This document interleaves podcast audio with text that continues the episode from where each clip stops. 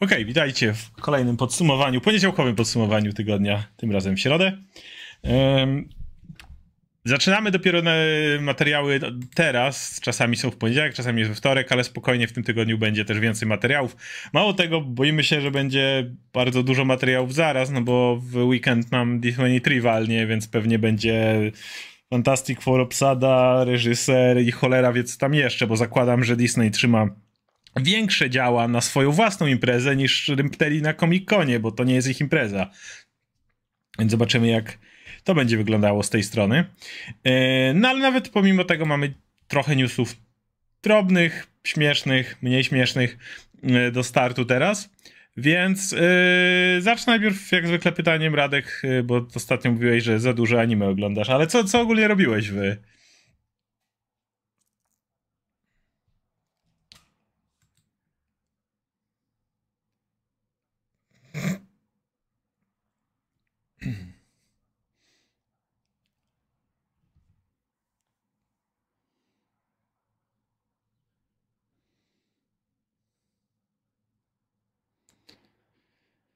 Radku, nie, nie słychać cię? Niemożliwe. Ja cię słyszę. Już kolejna osoba że Radka nie słychać. Mm, nie. Sekundę. Sekundę. Nie, bo ja cię słyszę. Hmm, hmm, hmm, hmm. Co nam się spieprzyło? To jest dobre pytanie. Nie, nie, to coś ze streamem twojej strony i działa.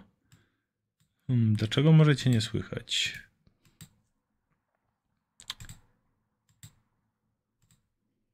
Powiedz coś teraz. Teraz mówię, teraz słychać? Powiedzcie, czy słychać Radka, powiedzcie. Możesz coś jeszcze mówić. Teraz mówię. Czy mnie słychać?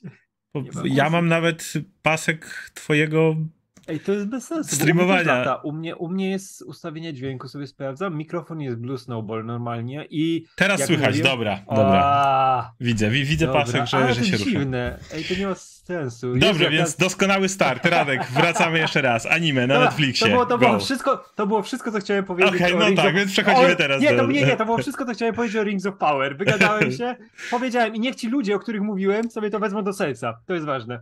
Mhm. A teraz przejdę do tego, co chciałem o anime powiedzieć. Nie to. E właśnie wróciłem do mangi, do anime dosyć mocno, szczególnie, że właśnie Netflix wrzuca świetne tytuły do siebie, których nie reklamuje w ogóle i które gdzieś tam znikają w tym natłoku rzeczy, które wrzucają. Na przykład jest Hunter x Hunter, świetna manga, świetne anime, taki shonen klasyczny, gdzie na przykład Hisoka to jest jedna z moich ulubionych postaci w historii, świetnie rozwinięta.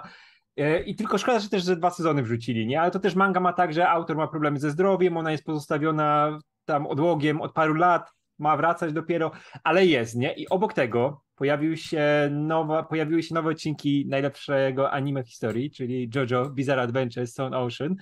I kurczę, e, binge'owanie. Miałem sobie rozłożyć to na e, pół miesiąca, nie? Bo to wyszło 12 nowych odcinków. Nie, e, oglądam ciągiem całość, bo kocham, kocham i każdy powinien zobaczyć JoJo, tylko Netflix znowu to wydaje strasznie, bo wydają w trzech partach, nie? Zamiast wydawać co tydzień odcinek, tak jak normalnie anime się wydaje, nie? I by się można było o tym gadać, bo tam każdy odcinek jest oryginalny, każdy odcinek ma jakieś świetne, popierdolone rzeczy, ale nie zdążysz o tym pogadać, bo wiesz, dostajesz parta, ludzie o tym zapominają, lecimy dalej. I to jest straszne, straszne wydawanie, plus oni reklamę zupełnie kładą anime, nie? Nigdzie o tym nic nie ma. I nie mówię tylko, że o JoJo, że ja pcham to, że chcę, żeby JoJo było więcej, żeby o tym było mówione, ale ogólnie wszystko, co wrzucają, nie? Gdzieś tam, gdzieś tam niknie, więc tutaj Netflix pieprza, ale fajnie, że wrzuca te rzeczy. No i obejrzałem JoJo, JoJo jest super. Yy, I co jeszcze nadawiałem? Wiesz co, zobaczyłem Kryptonim Polska, bo dostałem do recenzji, do zobaczenia polski okay. film. Wow, kurczę, to, to jest tak waniliowa beka z memów yy, sprzed 10 lat, że yy, jest kilka dobrych tekstów i najlepszym tekstem w całym filmie jest HIV, na serio, ale jeśli twoim hmm. najlepszym żartem jest żart z HIV i, no twoim tak. naj, i najlepszymi postaciami w twoim filmie są Kukła Żyda i Antyk Królikowski, to masz duży problem. Oh, oh. Tak, tak niestety i no, no nie, nie, to wyglądało w ogóle taki zbiór sketchy z SNL, nie? A to robili ludzie od polskiego SNL i to widać. I mówię, jest kilka fajnych ról, kilka fajnych tekstów, ale wow, to, to jest dokładnie taki symetrystyczny ty, ty, ten fi, typ filmu, jaki się spodziewałem. No nie jest symetrystyczny, bo się odchyla mocno w jedną stronę. No, ale szkoda potencjału tego filmu. No, i to na razie tyle. ja w dalszym ciągu jestem, oglądam Teda Lasso, bo to jest e, serial do ćwiczeń akurat idealny, bo, bo dostajesz motywację, bo ten serial cię motywuje do wszystkiego, nie? Do, do, do, działania, do życia, do wszystkiego, więc w dalszym ciągu to e, jakby jestem już, jestem za połową drugiego sezonu, więc bliżej niż dalej, no ale poza tym, ponieważ mamy teraz tyle seriali, bo tu trzeba Dom Smoka nadrobić, bo tu Pierścienie Władzy, bo tu dalej to już ich oglądamy, więc... E, więc jakby i oglądając to wszystko, nie, to, jest, to jest dobry czas i zły czas, bo z jednej, jednej, jednej strony jest wiele seriali do oglądania naraz i większość tych seriali lubię, bardzo lubię, albo jestem nimi zaintrygowany, whatever. Ale z drugiej strony, jak sumujesz czas, który wtedy wrzucasz na to, jeżeli dodasz inne rzeczy, bo ja cały czas regularnie na przykład prowadzę znajomym co tydzień RPGa, gramy z kolei z, Palmy, bo już bo znowu ruszyliśmy w tą niedzielę, też to pojawi się już pierwszy odcinek, który nagraliśmy do, do, do, do, tej mini kampanii, którą teraz gramy, więc jak to wszystko dodasz, nagle odkry, odkrywasz, że na inne rzeczy masz dziwnie mniej czasu, przez to ile jest seriali naraz, teraz, w tym momencie. No ale cóż, jest jak jest. Um, Dobra, to pogadajmy sobie o kilku newsach. Bo nie chcę się odnosić za bardzo do Rings of Power. Jakby wszystko, co powiedzieliśmy na temat naszych, naszego podejścia do tego serialu, powiedzieliśmy przy nim i będziemy omawiać kolejne odcinki, więc będziemy wtedy mówić też o kolejnych odcinkach. Jedyne, co mogę powiedzieć o Rings of Power, to że masa ludzi chciała zobaczyć ten serial, ponieważ miał on, jego otwarcie, ponad 25, jak patrzę, milionów wyświetleń w momencie jakby otwarcia. Mhm. Delikatnie nawet przebili grę o Tron nową, czyli House of Dragons. Nie, niewiele, to są różnice tam 23, 24, 25 milionów, wiecie. To nie jest tak, że dwukrotnie więcej ludzi chciało zobaczyć, czy coś takiego. Ale minimalnie większe było zainteresowanie pierścieniami niż, niż grą o Tron. Eee, to dla jasności, to, to, to, to, to jakby nie, nie świadczy w żaden sposób o jakości, bo warto pamiętać, że tak samo jak z filmami, dokładnie tak samo jest jak z filmami, zawsze to mówimy. Weekend otwarcia to jest kampania reklamowa. Yy, w momencie, w którym masz masę wyświetleń, tak samo jak box office, ludzie mówią, yy, ten ten film miał 100 milionów otwarcia, a potem się okazuje, że miał spadki. Wiecie, Morbius wcale nie miał najgorszego otwarcia. Jak na mniejszy film. No tylko potem jak zaliczył tam 70% spadku przy tej kasie i tak dalej, no to nagle się okazało, że nie zarabia nic, nie? I tak samo jest z wyświetleniami. Jasne, masa ludzi była zaciekawiona.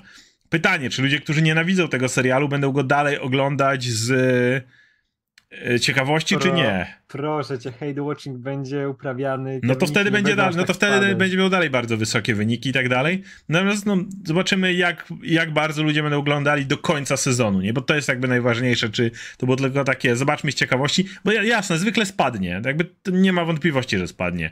Mm, gra o Tron, pilot wyżej, potem niżej, potem znowu nadrobiło i oczywiście w końcowych sezonach oglądało to więcej ludzi. Natomiast, no, tak to wygląda. Ale niewątpliwie jest to największe e, otwarcie w historii Amazonu, w historii całego Prime. Pobiło jeszcze kilka mniejszych rekordów.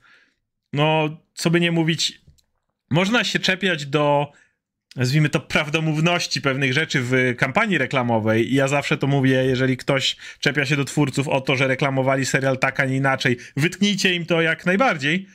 Jednocześnie nie można nie pochwalić Amazonu za promocję. Przed chwilą powiedziałeś o tym, jak Netflix nie potrafi promować niektórych swoich rzeczy. Nie można nie pochwalić Amazonu za promocję Rings of Power, nie w kwestii tego, co mówili o tym serialu twórcy, ale w kwestii samej ekspozycji na ten serial. Plakaty, spoty, mm, jakieś rzeczy. No, ten serial wbił się do świadomości ludzi umówmy się, fani Tolkiena, którzy go oglądają, to jest jakiś promil tego, nie? Którzy, którzy, którzy, z tych 25 milionów nawet otwarcia. Więc y, trzeba przyznać, że Amazon umiał ten serial wypromować. I tu nie ma żadnych wątpliwości. Okej. Okay. Jak jesteśmy jeszcze przy streamingach, to warto powiedzieć o innym wielkim sukcesie streamingu, jakim było zdobycie nagrody Emmy dla Arkane. E, Arkane zdobyło nagrodę za najlepszy serial animowany. E, Netflix tutaj wreszcie wychodzi, bo robi naprawdę konkretne animacje o tym, czym cały czas gramy, albo przynajmniej dystrybuuje konkretne animacje, tworzy konkretne animacje, chociaż przycięli ostro stronę animacyjną. Arkane oczywiście to wiadomo, pieniądz Riotu nie śmierdzi, więc tutaj jakby to, to nie padnie, natomiast to cieszy, plus jest to pierwsza w historii animacja streaming, stworzona przez streaming, tak, z pieniędzmi Riotu, ale cały czas to jest Netflix Production, która dostała Emmy. Bo wiadomo, Rick and Morty, Bojack, wszystko dostawało po drodze yy, nagrody, ale nigdy nie była to produkcja tworzona bezpośrednio ple, przez pl platformę streamingową. Więc e, no, to na pewno cieszy, bo Arkane jest wyjątkową, wyjątkowym bardzo e, tworem i miejmy nadzieję, że jakby utrzyma tą, e, tą pasę. Tak, to jak Supreme Overlord Vader pisze, że Arkane to przede wszystkim produkt Riotu i, for, i Fortish. No tak, tak, tak. No, e, wiemy jak Riot działa. Nie? Jasne, ale to jest cały czas produkcja Netflixa. Tak, tak, tak. My trzeba dzielić to, nie? To oni odpowiadali za reklamę, oni odpowiadali za zbieranie pieniędzy i to grubej części za finansowanie i takie rzeczy, nie? No ale artystycznie to tak, no to są, są twórcy, nie? I szczególnie Riot, którzy którzy, którzy potrafią się zajmować swoimi markami w taki bardzo ładny sposób, nie? Nie zgodzę się, że yy, Netflix tylko dystrybuował. Riot może wywalił na to hajs, ale to było tworzone konkretnie pod Netflix. To nie było tworzone od tak sobie, czy cokolwiek, kto kupi. Więc no, to jest pe pewna różnica. Yy, skoro Arkane spoko, ale JoJo Part 6, 6 lepszy, czekaj, ban. Zostaw go. Czekaj, Zostaw... czekaj, e, ukryj użytkownika na kanale. Ja, nie, nie, nie, ja powiem porówno, porówno. Inne, inne historie opowiadałem w inny sposób. Już, dobra, tymczasowo wycisz, lecimy dalej. E, więc e, tak, jeśli chodzi o e, inne, żeby, żeby nie mówić o złych informacjach i e, możemy tak przeplatać. Mówiliśmy o fajnych, to możemy teraz powiedzieć o, nie wiem, smutnym Grisie Pajnie. Potem powiemy o bardzo fajne i tak będziemy sobie przeplatać. No, no, no to zostaw tą fajną na, na po to po Chrisie Payne, bo to będzie, wiesz co, to będzie dobre przejście między aktorami. Tak. którzy są w różnych miejscach teraz, Więc jeśli chodzi o pracę. Jest zabawna sprawa. Zabawna, smutna, nie wiem jak to nazwać. Bo Mamy sobie film, który nazywa się Don't Worry Darling, o którym nikt by nie mówił, o którym nikt by nie usłyszał prawdopodobnie. Znaczy nie, wiesz, no nie, nie, nie. Kto, ktoś by mówił, bo jednak ludzie czekali po... E, Booksmart. Pieszy...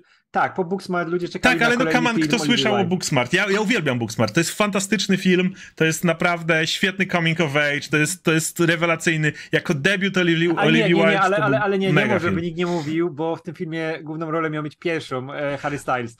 Harry Dobra, Styles na pewno robi ci bardziej, jasne, robi bardziej jasne, połowa jasne. Nie, nie było, ale, ale umówmy się, nie byłoby takiego szumu na tym nie, roku tego nie, filmu. Nie, to, to, by był w konkretnych rejonach, nie by był odbierany jako film przede wszystkim, tak. a nie jako produkcja, która która się posypała. E, powiem tak, na tym etapie o tym filmie można było, produkcja tego filmu można by zrobić film. Na luzie. E, bo mamy właśnie Olivia Wilde, która mówię, jej pierwszy, jej debiut reżyserki był według mnie fantastyczny. Jeden z mhm. ciekawszych filmów roku, w którym to stworzyła.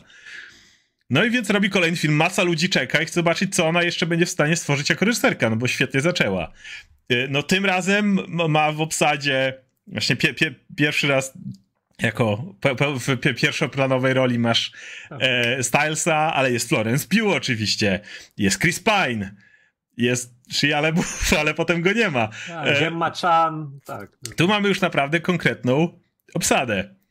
E, I tak, najpierw wychodzą te informacje z Shia LaBeoufem, których nawet nie poruszaliśmy. Stwierdziliśmy, że nawet nie chcemy o tym gadać, bo było kłótnia o to, czy Olivia Wilde wywaliła go z filmu, czy on sam odszedł z filmu. Zależy, kogo zapytasz, nie? Ale to był tam pierwszy krok. No, szczególnie, że też... Wiemy, że Shia jest ekscentrycznym człowiekiem bardzo, nie, więc ekscentryczny skurwysyn, nie? No, nie chciałem, rzeczy, że, no nie, no chciałem no, tego jego, powiedzieć. Nie no, ale tam jego rzeczy życiowe, nie? To jest, wiesz, pogubiony chłop strasznie, nie? Ja tak. polecam tak. bardzo... E, kurczę, zapomniałem teraz jak się nazywa ten jego naoparty na jego autobiograficznych wątkach film. Sugar, Sugar Boy? A nie, wy, wygooglacie sobie. Jest naprawdę mm. dobry film, który pokazuje, jak zwichrowane było życie e, Shai. No więc, więc, ale to była taki pierwsza rzecz. No ale potem przechodzimy dalej i okazuje się, że jest tam cała drama na planie. No bo tak, Pierwsza rzecz, no to wychodzi na to, że z Harrym Stylesem reżyserka, czyli Olivia Wilde ma romance. Okej, okay, nie chcę mają. Ale potem się okazuje, że no jasne, to jest super popularny celebryta i piosenkarz, ale z drugiej strony jako aktor nie bardzo. No i okazuje się, że on dostaje ile? 2,5 miliona za ten film? Kiedy Florence Pugh, no jakby nie patrzeć, nominowana, nagradzana aktorka, yy, dostaje kilkaset tysięcy dla porównania. Yy, I to źle wygląda, kiedy się okazuje, że główna gwiazda dostaje pieniądze, bo od razu wszyscy mówią, bo sypia z reżyserką, nie? To jest, to jest od razu co wychodzi. Więc od razu masz od Florence Pugh jej kompletne, wiesz, obrażenie się na, na, na, na to, jak już film jest nakręcony. Potem masz te, te dziwne sytuacje, jak to, że masz yy, yy, złoty dywan i na nim jest Florence Pugh i Olivia Wilde, ale wszyscy mówią, że nawet do siebie nie podchodzą, nawet kontaktu wzrokowego nigdy nie mają. Yy, potem masz ten junket, kiedy jej nie ma, chociaż jest w Wenecji w tym czasie i Olivia Wilde świeci oczyma i mówi, że ona Dune w tym czasie kręci, a potem się okazuje, że ona wcale nie kręci w tym czasie Dune, tylko jest za płotem, tylko nie chce przyjść.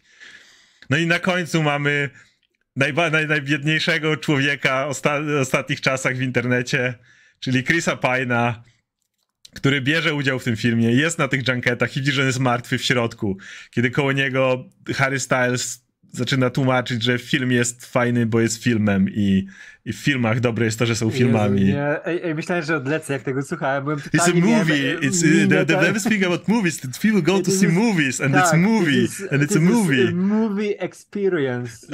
Coś takiego. ja, ja miałem podobną minę jak Chris w tym momencie. Więc e, jakby to jest najciekawsza produkcja sama w sobie tam potem są jeszcze jakieś motywy, że, on, że oni coś tam sobie jeden drugiemu coś dowali. Już nie pamiętam nawet o co poszło, bo nie wnikałem w to wszystko, ale najbardziej szkoda tego Pajna, który tak siedzi myśli, kurwa. Grałem w nagradzanych filmach. Swoją drogą z nim Hell or High Water jest dalej jednym z... Wow. wow jest... to, był, to był mój film roku to parę był, lat temu. To był wspaniały film. Grałem, wiesz, w akcyjniakach, jest Wonder Woman czy coś. I siedzę tutaj i ten gówniarz mi tłumaczy, że, że, że movie, movie is a movie. Jestem cholernym kapitanem Kirkiem, a tutaj takie rzeczy się odwalają. Ale i tak jestem pod wrażeniem, jak jednak profesjonalnie do tego podszedł, że był na tych wszystkich spotkaniach, przesiedział tą premierę, gdzie widać było, że tam nie chce tak, być. Tak, tak, no, to full profeska. Full no, profeska. jednak wiesz, połączenie z tym, co Florence zrobiła, to tak. ja też zupełnie rozumiem, nie? I ten, ale jednak w takim momencie, jak jesteś zawodowym aktorem, nie, to no, no, tak, ale rozumiesz musi trochę, że jako Flores no tak, tak, ten tak. protest pewien przeciwko ciągle nierównościom w płacy. A tu nie, jeszcze, no, a tu tak, jeszcze tak, dochodzi tak, o to, że ej, może. Nie, dlatego mówię, że ja zupełnie, no. zupełnie rozumiem. Ja jestem, wiesz, za tym, żeby były szpile, nie? Jak tam się takie rzeczy w środku działy. No i to mówimy tu o wielokrotności jej garzy, nie? Jakby to, to nie jest byle jaka aktorka, to jest Florence Pugh. Ja rozumiem, że Styles jest super celebrytą popularnym i pewnie jeżeli porównasz popularność, to jest pewnie popularniejszy od niej, ale no oboje są w filmie, tak, gdzie grają główne role. Ale, to jest, to... ale wiesz co, to, to jest najlepsze, że to jest dokładnie, to pokazuje jaki przemysł filmowy i ogólnie tworzenie filmu, jaka to jest sinusoida, że to jest, powtarza się sytuacja z lat 50., 60., gdzie było to przejście między złotą erą Hollywood, tej takiej, wiesz, profeski, się dużo odpierdalało, ale dużo się tam załatwiało poza ekranem, nie, a tych lat gdzie już wiadomo, pojawiły się różne używki, się w inny sposób pracowało, nie? I był ten okres, gdzie nagle celebryci i piosenkarze nie chcieli zostać aktorami i oni działali na innych zasadach, ale i mieliśmy tych starych reżyserów przeżartych i tych aktorów, którzy musieli się do tego dopasować. Nie wiem, jakiś, e, nawet nie Sinatra, ale wszyscy inni, którzy za nim poszli. Kurwa, ile Elvis, Elvis ile grał, nie? Tak, tak, Elvis i to wszystko i oni działali na innych zasadach i nikt ich nie rozumiał, nie? I to jest dokładnie ta sama sytuacja, nie? Ma, masz tego aktora, który już przerze zęby na filmach, nie? Chrisa Pine'a, który musi obserwować tego aktora, tego piosenkarza super popularnego, popularniejszego dużo niż on, nie? Jako tak. aktor Chris Pine, który próbuje się teraz tutaj pobawić nową rzeczą, nie? Po, po, porobić jakieś tam, mm nie? I wiesz, że to dla niego jest e, pole treningowe, to nie że on wchodzi, zagrać konkretną rolę, tylko jego trzeba przygotować do tego, nauczyć. Oczywiście. Nie? I to jest sytuacja. I to, I to jest dokładnie ten sam. I muszą tutaj agencje PR-owe działać. Są kłótnie, jest jakiś No i potem, romans, i potem jak, i jest romans, jakieś, patrzysz na różnica w garzach, wszystko wchodzi po prostu. Tak, tak, tak. I wiesz, że ta, w ogóle ta cała sprawa też z tym Sudekisem i co, co się wcześniej działo, wiesz, z tym całym listu, który wyszło jak wyszło i to też nie była wina Jasona Sudekisa. Z tego kiedyś będzie jakaś popierdolona książka, nie? Jak ten film powstawał. Coś jak e, zakulisowe rzeczy w The, The Room, nie? Tylko bardziej w tym, w tym bogatszej części Hollywood, nie? W tej no. większej, no to będzie ciekawe ciekawe. Ech, no, także. Okej. Okay. Ja no. myślę, że mówię, ktoś zrobi kiedyś film o powstawaniu tego filmu. Nie, to, no, to, to jest bajzel. To widać, widać ile wiesz, jest naczyń połączonych przy tworzeniu no i... filmu. Jak jedno jebnie, to się może. No i szkoda, bo jakby widać, że recenzje są gówniane tego filmu. E... Ale ja... na przykład, wiesz, e, opinie o roli Pew są bardzo dobre. No właśnie. były, były głosy nawet, że mogłaby powalczyć mocno w sezonie nagród, nie? I ja mogłyby być jakieś konkretne nominacje. Wiemy, że Florence jest kapitalną aktorką. E, akurat w drugoplanowej roli, ale ja bardzo lubię Chrisa Pine'a, też uważam, mówię, po Hell or High Water nie mam żadnych wątpliwości, że to jest, jeżeli mamy dramatycznego aktora, to to jest aktor, który ci zagra fantastyczną rolę. I dalej naprawdę wierzyłem w to, że i Olivia Wilde po, po Booksmart może mieć świetne podejście reżyserskie. No problem jest taki, że kiedy wszyscy się nienawidzą na planie, to wydaje mi się, że naprawdę ciężko stworzyć dobry film. Tak, szczególnie, że jak masz to ten moment, gdzie wiemy, że na wielu planach się nienawidzą ludzie, nie? Ale jak masz ten moment, że to się już wylewa poza i to znaczy tam musi być ostrzej. publicznej, więc tam się musiało naprawdę dziać. Nie? Tu trzeba pa patrzeć na to, nie z tej perspektywy, że jeśli coś wybucha i agencje PR-owe nie potrafią się tym zająć, nie potrafią tego ogarnąć, tak. to znaczy, że tam było nagrzane na maksa wszystko. Mhm. Dobra, to teraz odbijając stronę innego aktora, również w kwestii e, festiwalu i również w kwestii e, tym razem lepszej. E, ja powiedziałem, że w, w, tym tygodniu dwie rzeczy mnie najbardziej rozczuliły. Jedną był e, syn perkusisty Foo Fighters, który wyszedł na, e, i napierdalał na bębnach przy jednym z tych i grał zajebiście swoją drogą. Drugą był Brendan Fraser, który dostał sześciominutową owację po tym, kiedy jego, znaczy film, w którym on grał główną znaczy, rolę, tak, The, tak. The Whale, został wyświetlony. I na ciężko... Wenecji. I cię, no, no te, te, jesteśmy cały, cały czas jesteśmy na Wene w Wenecji no tak, z tymi tak, tak. tematami.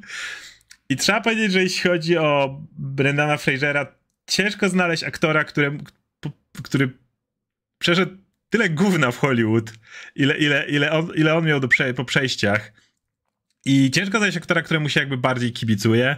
Jakby yy, wiem, że ja ostatecznie odpadłem przy Doom Patrolu, ale wiem, że przy Doom Patrolu wszyscy chwali, chociaż tam większość to był jego głosu, mówmy się, który, który było słychać. Natomiast e, no to jest cały czas aktor, który wiele ludzi kojarzy go w naszym wieku z jego dzieciństwem. Mumie, jak się George prosto no, z drzewa. George prosto z drzewa, tak. E, Więc... i, I film, który mu podłamał karierę, czyli ten z I.L. Loniton znowu w akcji. No, w każdym razie e, potem jakby jeżeli ktoś poczyta, co przeszedł Fraser w Hollywood, to był ten no, jeden z tych przy, przypadków, gdzie, gdzie to jest zazdrościmy celebrytom sukcesów, ale jakby to powiedzieć... To się takie bardzo, bardzo konkretne rzeczy na to nałożyły, nie? Że on zniknął z tego w 2000, tak. około 2008 jakoś to był ten taki zjazd już całkowity, mm -hmm. nie? Że on zniknął, zniknął z ekranów taki konkretny sposób, bo mieliśmy po pierwsze no, średnie wybory ról, nie? Bo on tak. był naprawdę super gwiazdą po mumiach, nie? I była przed nim cała kariera otwarta, ale to po pierwsze. Po drugie, to, że on e, od, robił sam swoje własne kaskaderskie rzeczy mm -hmm. i on e, swoje ciało doprowadził do naprawdę strasznego stanu. On miał dwie operacje kręgosłupa, kupę innych, spędził e, kupę czasu w szpitalu na lekach i to też się na nim odbiło mocno, nie? To później widać, jak jego waga poszła w górę mm -hmm. i rzeczy z tym związane. No i po trzecie też ta sprawa o molestowanie, która wyskoczyła nie tak dawno w sumie, nie? Która doprowadziła do no, jego wszystko wygląda, że go to zniszczyło kompletnie. z wagą jeszcze większych i zniszczyło go jako człowieka, nie? I to pokazuje właśnie, jak Hollywood może, wiesz, szybko doprowadzić Ta. kogoś na ten skraj, Więc ja się bardzo cieszę, bo on się zawsze super wypowiada, on ma zawsze super podejście do fanów, nie? To jest przemiły człowiek. Tak, to jest super wywiady, pozytywny tak? człowiek. Tak, jak były te wywiady właśnie w trakcie tego, jak powracał do większego, no, do, do mediów czasie premiery Doom Patrol, nie? gdzie tak. naprawdę tam występował i się wypowiadał, to było super, bo to jest chłop, który potrafi opowiadać, który stwarza taką bardzo fajną aurę, nie? Nie wiem, ile on tam ma szkieletów w szafie, pewnie ma jak każdy w Hollywood, nie? Ale robi wrażenie naprawdę bardzo miłego człowieka. Jak był z jakąś TikTokerką miał wywiad, pamiętam. Widziałem to. E i gdzie, on, gdzie ona mu powiedziała, że wszyscy czekają tak. na jego powrót, że, że fajnie, że musi ten... I on... Gość musiał się napić wody, tak, w sensie obok, tak, żeby... Tak, tak, tak, ale ile w nim było emocji, nie? Jak on teraz się popłakał w tej Wenecji i było widać naprawdę te emocje, które z niego wychodzą. Tak, to, to nie było, to, był, to nie były grane, grane łzy. Tak, tak, nie, nie, nie, on tam był, tam aż zagubiony, nie? Było widać, przez to że nie spodziewał się takiego odzewu mm -hmm. od ludzi, nie? I ja mam nadzieję, że ta rola naprawdę jest tak dobra, że nawet nie musi dostać tego Oscara, niech dostanie nominację, nie? I to mówię, bo w tym roku też mamy Elvisa, nie? Świetnego, zagranego i mm -hmm. będzie naprawdę bardzo mocna konkurencja, ale jak już dostanie nominację i się będzie pojawić na rozdaniu i wyświetlą jego, gdzieś tego tam, wiesz, na telebimach, jego zdjęcie, sceny z tego filmu, wow, to ja się chyba poryczę, nie? Bo dla mnie naprawdę Brendan Fraser to jest jeden z bohaterów dzieciństwa i chcę jego powrotu jeszcze no, większego, nie? I tutaj zgoda. Niech Zaslaw się pierdoli, że odebrali mu szansę zaistnieć Batgirl. No tak, tak, tak. tak, tak, tak smutne, że gość, siebie, nie? gość był głównym antagonistą w Batgirl i ups! Wyleciało. Zniknęło. Ale już o, o Zaslawie, dopóki czegoś znowu nie odpierdoli sztywny Patek pisze, że Lonnie Tunes znowu w akcji jest lepszy od kosmicznego meczu. No to nie jest bardzo trudne, więc no jest trochę lepsze. Też, je, też tak jedyna, jedyna rzecz to ostatnio chyba kolejny producent odmówił e, Zaslawowi, żeby przejąć DC. Więc Zaslaw na razie dalej łowi. A dobrze, że dobrze nic się nie odjebało w tym tygodniu z Zaslavem tak, jakiegoś tak. takiego super. No jedyna rzecz to była, czekaj, on się nazywa Dan Lin. To był ten gość, który, on tam Lego mówi, sprodukował inne parę rzeczy i gość, e, on odmówił, nie chciał robić e, mhm. przy DC. Tutaj, tutaj też jest, a kiedy Wieloryb będzie oficjalnie w kinach? Chyba jeszcze nie ma daty z tego co wiem, na mhm. pewno, wydaje mi się, że on będzie w tym rzucie przed Oscarowym, nie? gdzie zawsze te filmy wychodzą, to na początku roku jakoś pewnie ruszą z tym, więc trzeba czekać. E, jest jeszcze jedna rzecz, którą chcę delikatnie poruszyć, bo wiem, że wszyscy się śmiejemy z re-release'ów i e, Avatar, który za chwilę wraca znowu do kin. No i teraz mamy tego Spidermana No Way Home, którego obaj nie jesteśmy fanami po czasie jakby. E, Jak to jest? To jest su super duper version? Jak to tak. się nazywa? W każdym razie e, i teraz e, mógłbym powiedzieć, że o, to jest żałosne, że studia jakby doją cały czas te same pieniądze i tak dalej, ale tego nie powiem.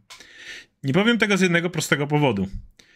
Wiemy dobrze, że mówiliśmy o tym wcześniej, że firma matka mm, Cinema City, czyli Cineworld, zbankrutowała. W sensie ogłosiła, ogłosiła bankructwo, wiadomo, jeszcze jest tam różne rzeczy, ale generalnie no to, to, to nie jest koniec, ale to nie, to nie jest dobre.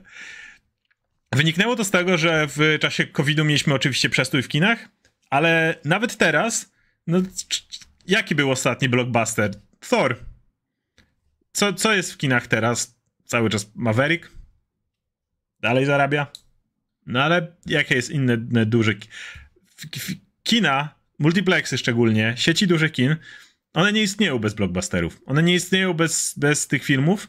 I mimo tego, że wróciliśmy do tego miejsca, gdzie dalej filmy mogą trzepać miliardy i wszystko fajnie, to jest ich dużo mniej niż było wcześniej. Co będzie najbliższym dużym otwarciem? Wakanda Forever. Black Panther właśnie, Wakanda Forever? No to jest jeszcze kupa czasu do tego, nie? Więc nie mogę gniewać się, nazwijmy to, i mówić, że to są, o, tylko chcą kasę. Jasne, że chcą kasę. Jasne, że to jest dar darmowe pieniądze, gdzie dopracujesz parę scenek, które nakręciłeś i możesz znowu wrzucić i zarobić na tym samym filmie.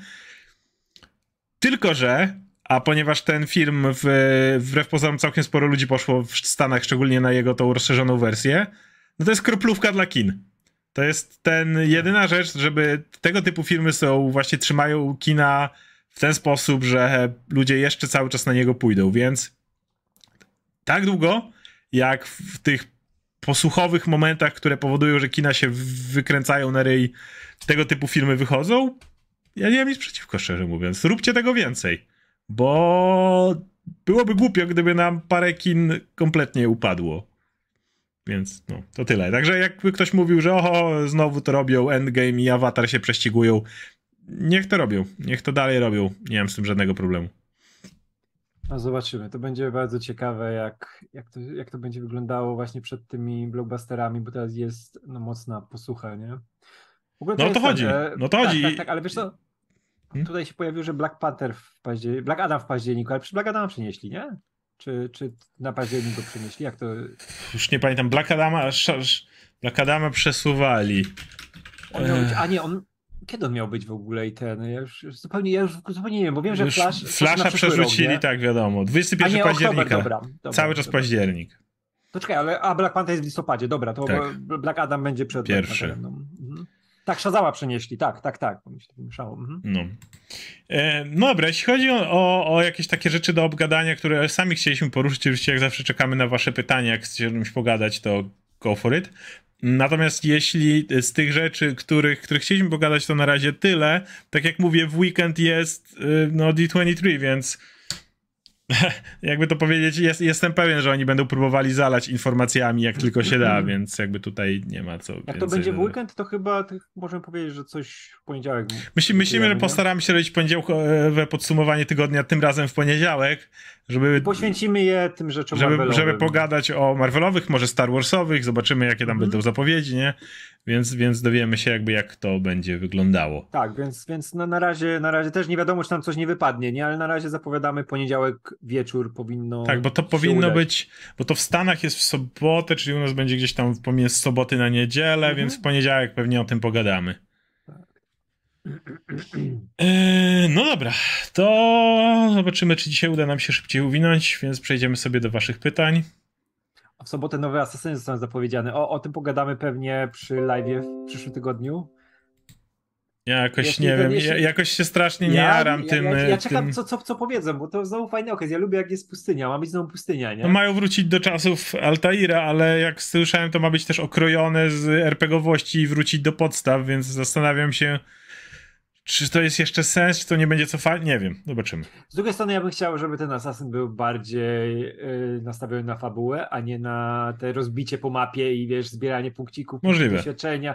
Jak, jak kocham Origins, tak, jednak w pewnym momencie to latanie... No mnie, mnie, mnie, ja, mnie, ja Valhalla nie przyszedłem, mnie znudziła. Mimo, tak, że to, tak, to nie była zła gra. To nie była zła gra, ale w pewnym momencie po prostu to latanie po wszystkim mnie znudziło. Tam było Przy... tego za dużo, nie? Ja mówię, to było do, całkiem dobrze wypatrzone właśnie w Origins, gdzie już było tego troszkę za dużo, nie? Bo tam była super historia, super się śledziło przygody Bajeka i to jak się rozwija, ale... Hmm. A wiem, jeszcze tylko chcę powiedzieć, yy, bo wiem, że ogłosili dodatek do Cyberpunku nic o nim nie powiem i nawet się nie zainteresuję, póki nie przeczytam wielu recenzji na temat tego, jak Cyberpunk został niesamowicie zmieniony, jak wszystko działa lepiej, jak jest zupełnie inną, nową grą. Dopóki nie zobaczę tego typu recenzji, nawet nie zbliżę, nawet kijem nie zbliżę się do tego, do tego miejsca. Dla mnie to ja też jest. Wróci, ja, ja, nie wróciłem do Cyberpunka od czasu. Ja, ja grałem w niego. Ja grałem w niego 4 godziny, tak jak mówię, i mi to wystarczy. I generalnie też dla mnie to trochę jest chujowe. Wydawać dodatek, chyba że ten dodatek zajebiście poprawia podstawkę.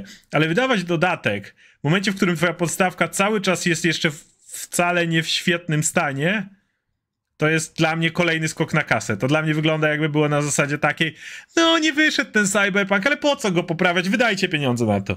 Chyba, że mówię, cofnę to, jeżeli okaże się, że dodatek, bo czasami tak jest, wprowadza tyle usprawnień, że teraz można za jednym ciągiem z podstawką przejść. Jeżeli tak, to przepraszam i to, co mówię, jest ten. Natomiast jeśli to będzie wszystko skupione na nowe rzeczy i tam grajcie, a podstawka, e, no już, już kto wydał pieniądze, to wydał, whatever. Wiesz co, ja, ja, ja podstawkę dużo grałem i to w tą wersję taką naprawdę, którą się praktycznie nie dało grać, nie? Bo ten świat nie wciągał, nie? I lubiłem, lubiłem sobie tam być, nie? Lubiłem zbierać te wszczepy, wszystkie pierdoły, nie? Te postacie i to było fajne, tylko ta gra była no praktycznie niegrywalna przez to, jak wyglądała, nie? A i tak wyciągnąłem w niej z 15 godzin przynajmniej ja naprawdę to, troszkę w to pograłem e, i to jest najgorsze, przez te lata od premiery, i wiem, że oni tam zmieniali rzeczy. Tak, ten, po, poprawili ale, sporo rzeczy, ale, ale czytałem, że żadnym, jest... Ale wiesz co, ale w żadnym momencie nie było takiej reklamy, czy czegoś, co mi przyciągnęło do tego, żeby Dokładnie. wrócić, nie? To jest smutne, bo jak Wiedźmin trójka wyszedł i przez lata ja do, od Wiedźmina się odbijałem, nie? Bo wiesz, jak ja mam z fantazy, nie? Hmm? Ja wracałem, przerywałem, wracałem, przerywałem, ale zawsze wracałem, bo zawsze coś było, gdzieś ktoś o tym mówił, czy coś, że musisz wrócić, musisz zagrać, musisz zobaczyć, nie?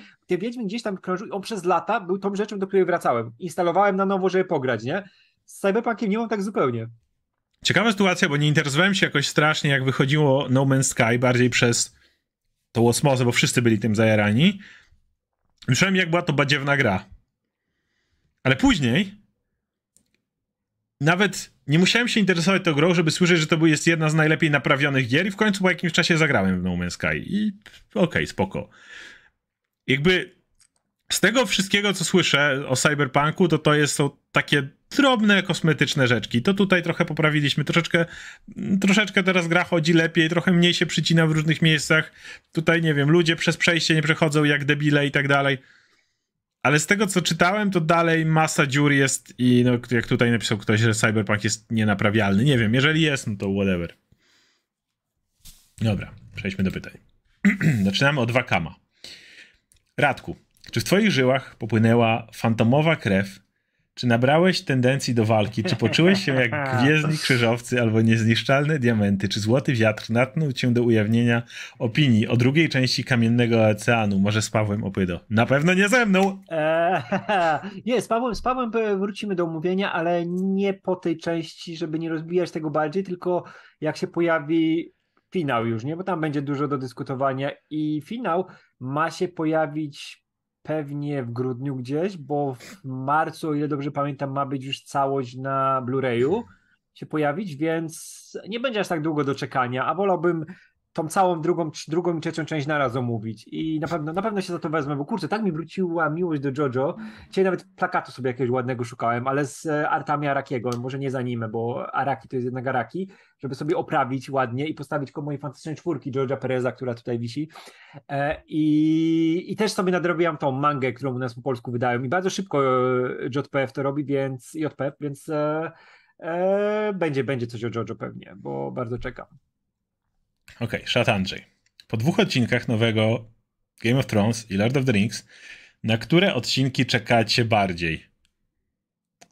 Mm, ja czekam, ja, ja mogę powiedzieć, ja czekam bardziej na Ród Smoka, bo to jest mój typ fantazy. Ja lubię te jednak gri, grimy gritty, gdzie ludzie są umoczeni. Ja bardzo mi się podobały te pierwsze odcinki Władcy Pierścieni, ale to jest nadal, Tolkien nadal to jest to high fantasy, ja... które nie jest moim konikiem. Pogadam o tym, ja uważam, że końcówka trzeciego odcinka Gry o Tron jest absurdalnie głupia, ale a jeszcze nie oglądałem trzeciego, to jest, okay, okay. Ogólnie dalej, dalej się jaram tym serialem i dalej jest super, ale uważam, że końcówka była głupia w chuj. E, ale to tak szczegół. Ale wiesz co, a dla mnie to jest część uroku Gry o Tron, jak są jakieś takie głupie, pojebane rzeczy też, bo ja to no, przeżywałem już Okej, okay, okej, okay, no to, to no. było strasznie głupie. W każdym razie... Ja lubię, ja lubię, ale wiesz co, ja lubię, ja lubię te postacie po prostu. Ja, ja jednak bardziej chyba w tym momencie na Rings of Power. Głównie dlatego, że chcę zobaczyć jeszcze, jeszcze wiem, czym jest gra o Tron, wiem, jak jest przedstawiana i wiem mniej więcej, czego się spodziewać, nawet nie znając fabuły, więc wiem, że to będzie dobre w, w miarę, chyba, że coś spierdolą. W Rings of Power ciągle jesteśmy w takim miejscu, że ja podobało mi się to, co widziałem, ale jeszcze cały czas nie jestem, jeszcze nie, nie widzę tego w całej kształtu, bo jesteśmy dopiero po dwóch odcinkach, więc chciałbym zobaczyć bardziej ten, Wiesz, ja co, ja jak to się rozwija ja cały czas lubię właśnie tą przaśność yy, yy, smoków, bo to jest takie jednak, jak szczególnie mm. jak to oglądasz po Rings of Power, który no pieniądz tam jest większy, wygląda to ładnie, nie? I dla mnie Rings of Power jest takim miłym miejscem. To jest trochę jak ci tego mema ostatnio wklejają gdzieś na co lata gdzieś po Twitterze, nie? Że e, ten e, smoki to jest, e, jakby ci ktoś przychodzi postać i mówi, to jest zjadacz dzieci, nie? Tutaj kogoś zapierdolił, nie? A przychodzi ci ktoś z gry o Tron do jakiegoś, znaczy z e, Rings of Power do kumpla i to jest typ, który przychodzi zaśpiewać ci piosenkę o ziemniakach, nie? Czy coś takiego, bo jest szczęśliwy. I to jest, to jest ten e, różnica między tymi typami fantazy, które się pojawiają, nie? Ale ja oba lubię, bo wiesz co jest fajne? Że one nie są jednorodne i się fajnie uzupełniają, nie? Tu dostaje coś bardziej takiego, o, wiesz, wzniosłego, Tolkienowego, wiadomo, a z drugiej strony dostaje ten mój smród, brud, błoto, nie? Wszyscy za, zafajdani i też spoko. Dwa dalej. Czy są jakieś komiksy DC Marvel, gdzie role hero villain są odwrócone? Na przykład dobry Joker, zły Batman, czy warto po nie sięgnąć? No White Knight, nie? To jest tak, de tak, facto tak. to. Ale. To, to nie, nie do końca, ale blisko bardzo. Blisko, tak. ten Joker przechodzi joker, jokerowanie. No, to... był, był event w Marvelu, który był dosyć kiepski, czyli Axis, ale jednocześnie miał kapitalne dwa tainy, jeden z Hobgoblinem, drugi z tak, Carnage'em z Hobgoblinem jest absolutnie fantastycznym. I z Carnage'em też. Tak, ale, ale ten z Hobgoblinem jest... No z Hobgoblinem tak, więc jak chcesz zobaczyć, jak typowo zli goście robią dobre rzeczy, dalej będą, dalej zachowując klimat tego, kim są, to generalnie polecam. Ja bardzo, bardzo lubiłem po akcji. Jedna rzecz, która została przez długi czas, to był ten Sabertooth, który był w X-Men. I to było super, bo on naprawdę wiedział, co się z nim dzieje. Miał tak. świadomość tego, że on jest złoczyńcą, którego coś pcha do tego, żeby być bohaterem. Był rozdarty, ale to była bardzo ciekawa sytuacja dla niego. No, Superior Iron Man, nie? Też. O, tak, tak. I, i, i Infamous Iron Man, gdzie Doom został Iron Manem. Tak, ale Superior Iron Man to masz z kolei tego tak, Starka. była ta zmiana, że tutaj Stark został Doomem, a Doom został Starkiem. Kinda. Tak, kinda, no. Um, i czy warto po nie sięgnąć? Potem sobie mieliśmy na pewno. I co sądzicie o zespole Blenders? Jedy, jedynie to, że pamiętam, jak jeździłem na kolonie, jak miałem lat y, tak, zerówka ja i podstawówka i wszyscy śpiewali i nic więcej. To jest, to wszystko, co ci mogę o tym powiedzieć. No ja też ja pra, prawie nie pamiętam, bo dla mnie słuchałem. To, ale la, to, lata 90. totalnie. Tak, to było doświadczenie. Moment w czasie. Nie? Tak. No. Nie, nie wiem, ja nic więcej nie mam do dodania. Nie, ja też, ja, ja, ja, ja, ja jedyne co teraz pamiętam to z ciągnik, nie? Oczywiście. Zawsze chciałem Oczywiście. mieć takie coś. Co jest bardzo dobrą piosenką swoją drogą.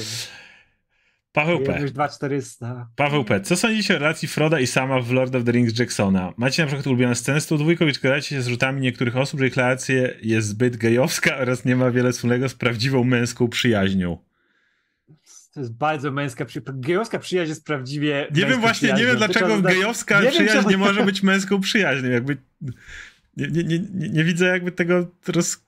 Co? Nie, ja, ja wiesz, ja, znam, znam, ja mam kumpli, którzy są gejami i są zajebistymi no kumplami. No właśnie, nie, nie widzę jak... I są, wiesz, są, są bardziej męscy niż, e, wiesz, niż... E, e, polecam, polecam poczytać badania na temat y, badań co do mózgów e, i aktywności w pewnych dziedzinach osób, które są, jak to się mówi, w niewłaściwym ciele i na przykład osób, którego mózg... Jak weźmiesz osobę, która jest cis-man, cis-woman i porównasz ich, potem zobaczysz osobę, która jest trans i zobaczysz, że osoba, która jest biologicznie mężczyzną, ale jej mózg bardziej przypomina biologicznie kobietę, to e, ktoś zauważył, że jest, nie chcę teraz tutaj wchodzić w naukę, czegoś nie pamiętam, ale że o, u, u, to jest zabawne, że u osób homoseksualnych wręcz e, pod wieloma względami mózg jest bardziej męski niż mężczyzny. Mhm. Więc, ale to jest taka pierdoła. E, natomiast... w ogóle wracając do tego, to jeszcze e, sam jest moją drugą ulubioną postacią w Władcy Pierścieni, a w filmach to jest moja ulubiona postać, bo nie ma tam Toma Bombadilla, który jest ogólnie najlepszą postacią w Władcy Pierścieni, ale patrząc właśnie e, z filmowej perspektywy, to ja absolutnie kocham Sama, bo Sam to jest słownikowy przykład dobrego kumpla, który kurwa cię za nogę pociągnie, żeby tam no, musisz dojść na Moja ulubiona cenę. scena to jest nie mogę nieść pierścienia za ciebie, ale mogę ponieść ciebie i to tak, jest jak... Tak, jak... tak, jest absolutnie fantastyczne i te wszystkie właśnie panie Frodo, panie Frodo, o matko, ko kocham sama. I w ogóle sam był super zagrany w filmach. Tak, nie? absolutnie. Ja się odnoszę do filmu, bo ja książkę czytałem do pewnego momentu i później, później odpuściłem, ale filmowo sam to jest cudowna. W ogóle ja uwielbiam, jak wszystkich hobbitów zrobili, bo oni się uzupełniali. Nawet i, te i to jest fajnie, że ci, którzy są na boku, wiesz, Mary, Pippin, oni przechodzą ciekawą drogę. Kurczę, jak trafiają tam do Faramira i się muszą odnaleźć. Powiem, powiem coś konkretnego, coś znowu kontrowersyjnego. Wielu z nich, szczególnie Pipina, pokazano lepiej niż Tolkien napisał ich w książce. Jackson, Jackson dał więcej Pipinowi niż Tolkien napisał w książce, bo Pipin niestety w książce był tylko głupim tukiem. I jeżeli popatrzycie, to jasne, sam jest tym gościem, który poniósł pierścień i poszedł z Frodem. Frodo był tym gościem, Mary był tym typem, co razem z Eowiną zarypali króla na zguli. A Pippin nie miał tego całego wątku z tym, że musi się zakraść, odpalić te yy, ognie, żeby wezwać Rohan na pomoc. To wszystko wymyślił Jackson. Okay. Pippin Muszę doczytać. Generalnie w książce no był fulowy tuk i Tyle, jakby. On nie miał tak, tych wszystkich. Oni są, oni są drużyną, nie? To, to I, ale nie tylko są drużyną, każdy ma swój moment. Tak, tak, tak. To jest fajnie, że oni właśnie zostali rozparcelowani tak, że każdy mógł robić swoje rzeczy i muszą udowodnić swoją wartość, nie? I to mi się zawsze podobało, nie? Że ej, okej, okay, te postacie, które zaczynały jako te comic reliefy, nagle się stawały postaciami, które potrafią coś robić, potrafią o siebie zadbać, nie? Jak tam się pojawił właśnie, tak jak mówiłem, Faramir, jak się pojawiła ta, e, która pokonała Nazgula. No, Eowina. Tak, Eowina i też te, te były absolutnie super i tutaj się pojawia, że na przykład, e, że, że Gimli najlepszy, że Boromir najlepszy, to są super postacie, które mają swoje chwile, ale żadna z nich nie przeszła takiej drogi pełnej jak sam, nie? To była historia sama, to była historia Frodo, oni byli na piedestale, nie? Oni byli tymi, którzy ciągnęli to, nie? Te tak. wszystkie postacie to były te wspomagające, one już były ukształtowane, nie? To nie jest tak, że Gimli przeszedł jakąś drogę w tych filmach, nie? Gimli się pojawił jako Gimli i Gimli nauczył się pewnych rzeczy, ale on do końca był jednak tym Gimlim, którego poznaliśmy. I tak samo jak Legolas. Reszta przeszła drogę. Tu Dominik pisze też świetną rzecz. Tak, Boromir, warto pamiętać. Wszyscy kochamy, jak Sean Bean umiera w filmach i trzeba przyznać, na przykład dla ludzi, którzy nie pamiętają książek. Znowu, w filmach Boromir jest znacznie lepszą postacią niż w książce. W książce, leży, w książce Aragorn znajduje martwego Boromira, który leży i masz opisane, że wokół leżą ciała Uruk-hai. Więc wiadomo, że walczył i zginął. Ale walczył i zginął. Tyle. Jackson zrobił z tego wielką, heroiczną scenę, gdzie biegnie tak, tak. ratować tak. niziołki na końcu i robi tak, wielkie walczył, odkupienie. Walczył za te postacie, które poznał, nie? Do, za tych małych, mało i tych mało tak, istotnych, którzy wydawali się tak, nieprzydatni do całej sprawy. Postacie, które zdobyły jego zaufanie, zdobyły jego przyjaźń, nie? I to było ważne. I tutaj też jest, że Boromir przeszedł drogę. No Boromir miał ten jeden moment, kiedy zorientował się w pewne rzeczy, które się liczą. W tym momencie, nie? I heroicznie, taka... i heroicznie ginie w tym momencie, kiedy w książkach ale, ale wiesz, ale on nie... po prostu zdycha, nic więcej. Mhm. Ale to też, też o to mi chodzi, że okay, on miał ten moment, kiedy się czegoś nauczył, nie, ale to nie jest taka droga jak sama, który się uczył przez całą tą drogę, nie, który, który wyszedł, wiesz, to jest historia o tym, że te hobbity wyszli z tego swojego zaścianka, gdzie było super ekstra, cudownie i cały nowy świat się do nich otworzył, tak. nie, nowe zagrożenia, wszystko, nie, oni przechodzą zupełnie inną drogę niż reszta postaci. Kolejne pytanie od Złamas Łukasz, okej. Okay. Dzięki wam, panowie, że ktoś tak o sobie uważa, ale może nie. E, dzięki wam panowie za umilanie czasu podczas rehabilitacji po złamaniu nogi. To miłej rehabilitacji. Dlatego złamas. Aha. A, okej. Okay. Widzisz? Okej, okay, to, jest, spoko. Skoro znaczy, Dis... nie spoko, że się połamał. Nie, nie, nie spoko. Skoro Disney ma prawa do obu marek, e, to jak według was mógł wyglądać event Star Wars vs. Marvel? Załóżmy braku raczej budżetu i castingów, bez powiedzieć, że to i tak się nie wydarzy, ale ja bym nie chciał, żeby to się wydarzyło. Jakby, jakby crossowanie wszystkiego to mamy ten ostatni kosmiczny mecz, nie? I Ready Player One i tego typu filmy. Więc, Boże, nie. Błagam, błagam, nie. Nie crossujmy wszystkiego. Jak kiedyś był crossover, ale to Star Treka z, z X-Men komiksowy w latach 90. Nie? Oni nie mieli spotkanie, chyba, chyba z dwa spotkania mieli. Jedną z e, oryginalną załogą, drugą z tą z Next Generation, z Picardem, nie? I Jeden jest cudowny moment, który pamiętam do dzisiaj, jak się spotkali z oryginalną załogą i w pewnym momencie siostra Chapelle e, woła doktorze McCoy i się obracają Hank McCoy no tak. i Leonard McCoy, nie? To, to, był super moment. Ale nie, ogólnie świat Gwiezdnych Wojen w ogóle według mnie przez to jak działa ta moc, ta cała mistyka i tak dalej, on się najmniej ze wszystkich nadaje do crossowania z czymkolwiek. Bo jakby, wiesz, świat Marvela spoko, możesz zderzyć ze światem DC, zrobić multiversum, możesz zrobić całą masę rzeczy, nie? Star Trek w sumie też możesz wpakować, to Star Trek z DC miało jakiś czas temu też crossover.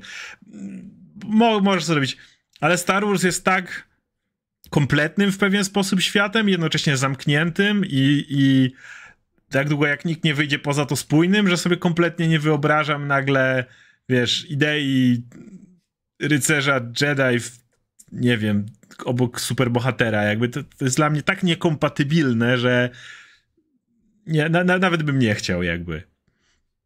No, nie, ja wszystko, nie wszystko musi się ze sobą crossować jakby, nie? Jakby nie... nie, ja lubię tylko takie crossy, jak na przykład możesz w Soul Caliburze napierdalać jodą. no nie, to pewnie. Wystarczy. Sure.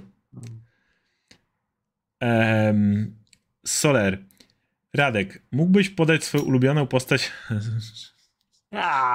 w Stone Ocean u mnie zdecydowanie Foo Fighters cierpiący w tym czasie Oscar mógłby podać ulubioną postać ze Suits. Tak, wiem, super dziwne połączenie, trzymajcie się. E, wiesz co, ja po tych nowych odcinkach, bo ja w ogóle Stone Ocean to jest ten, e, ten, part, którego nie czytałem mangowo, bo czytam teraz na przykład jestem w połowie Steel Run i jest super. Już poprzednie też czytałem, ale tego sobie zostawiłem, bo wiedziałem, że jest anime, nie? I mówię, okej, okay, zobaczę sobie to anime, żeby się zaskoczyć, żeby wiedzieć rzeczy. I w tym drugim rzucie odcinków totalnie Foo Fighters zdobywa moją miłość e, i fajnie, fajnie jest rozwinięta jako postać. E, bardzo lubię też e, znaczy nawet nie bardzo lubię, bo to jest postać, którą doceniam za to, jak jest dziwna. Narcissi Anastazja, który się pojawił i który ma naprawdę fajnego standa, ale on jest on jest dziwny, bo te jego mizogonistyczne zapędy, które są cały czas temperowane przez inne postacie, są ciekawe i jestem w ogóle ciekaw, jak to się rozwinie dalej, nie? Bo Jolene jest bardzo silną postacią i, i ona, mam nadzieję, będzie miała na to duży wpływ. Ale najlepsza postać ze Stone Ocean, kurczę, chyba jednak cały czas Jolene, bo ja lubię tą dynamikę z ojcem, to co, jak ona się zmienia, e, i, i z JoJo'sów ona jest w ogóle u mnie bardzo wysoko już na tym etapie, nie? Chociaż nie, czekaj, ja wiesz co, mam mangę mangę, wiem jak się kończą pewne rzeczy w mandze i Joylin chyba będzie moją ulubioną postacią do końca. Ale Foo Fighters super. W ogóle każda postać i Hermes i inne, które się pojawiają i Wither Report, który mam nadzieję, że zaraz wróci, też jest super. Ciężko mi wybrać na tym momencie. Ja, ja za pytanie o George nie chcę odpowiadać. Ale jak już muszę, to e, generalnie oglądałem Suits tylko do momentu, jak odeszedł główny bohater i oczywiście czy Megan odeszła, bo wiadomo. E, więc e, Do tego czasu chyba Louis. To był właśnie. Ja, ten... ja, lubiłem, ja lubiłem tą postać, którą grał Gabriel Macht. Kogo on grał? No, głównego bohatera, to był Harvey. To, to Ej, był, on był spoko. No to był główny bohater, on miał być cwany, czarujący i w ogóle no. wszystko naraz. No to był ten, ten, ten, ten typ, nie? No wiadomo, no on był robiony. E, ale o, G, e, Gina Torres grała postać, jak ona się nazywała. Już tak dawno to oglądałem. Ona grała szefową i była zajebista, jak zawsze Gina Torres jest. Um, Okej. Okay. Lecimy dalej. E, Adam. Moje teoria jest taka, że tylu ludzi chciało zobaczyć pierścienie władzy, nie tylko dzięki kampanii Amazona, ale tym ludziom, co krzyczeli o gwałceniu Tolkiena. Amazon powinien być im wdzięczny za reklamę jako fandomu. Szkoda, że ciągle widzę, że widzę, że serial zły. Znaczy, y, a że, że, że wszyscy tak mówią. Pewnie tak, natomiast cały czas mówię, jakby wszędzie słychać o tym mocno, ale z drugiej strony ludzie, którzy oglądali, czytali książki Tolkiena w promilu do tych ludzi, którzy do ludzi, którzy oglądają serial, to przecież jest tak tak jak zawsze, nie? Jakby jeżeli wywalilibyście z filmów Marvela wszystkich ludzi, którzy są fanami, czytają regularnie komiksy, to w zarobkach byś nie zauważył. Myślę, że byłoby to tak samo. Wystrzelcie z, z widzów wszystkich ludzi, którzy czytali Silmarillion. Może nawet wystrzelić wszystkich, którzy czytali Władcę Pierścieni. Tak, ale ja to, ja to powtarzam już któryś raz, że to oglądają głównie ludzie, którzy po prostu mają Amazon Prime i się zainteresowali, bo elfy i krasnoludy się będą bić, czy coś w tym stylu i chcą no. zobaczyć serial fantazy.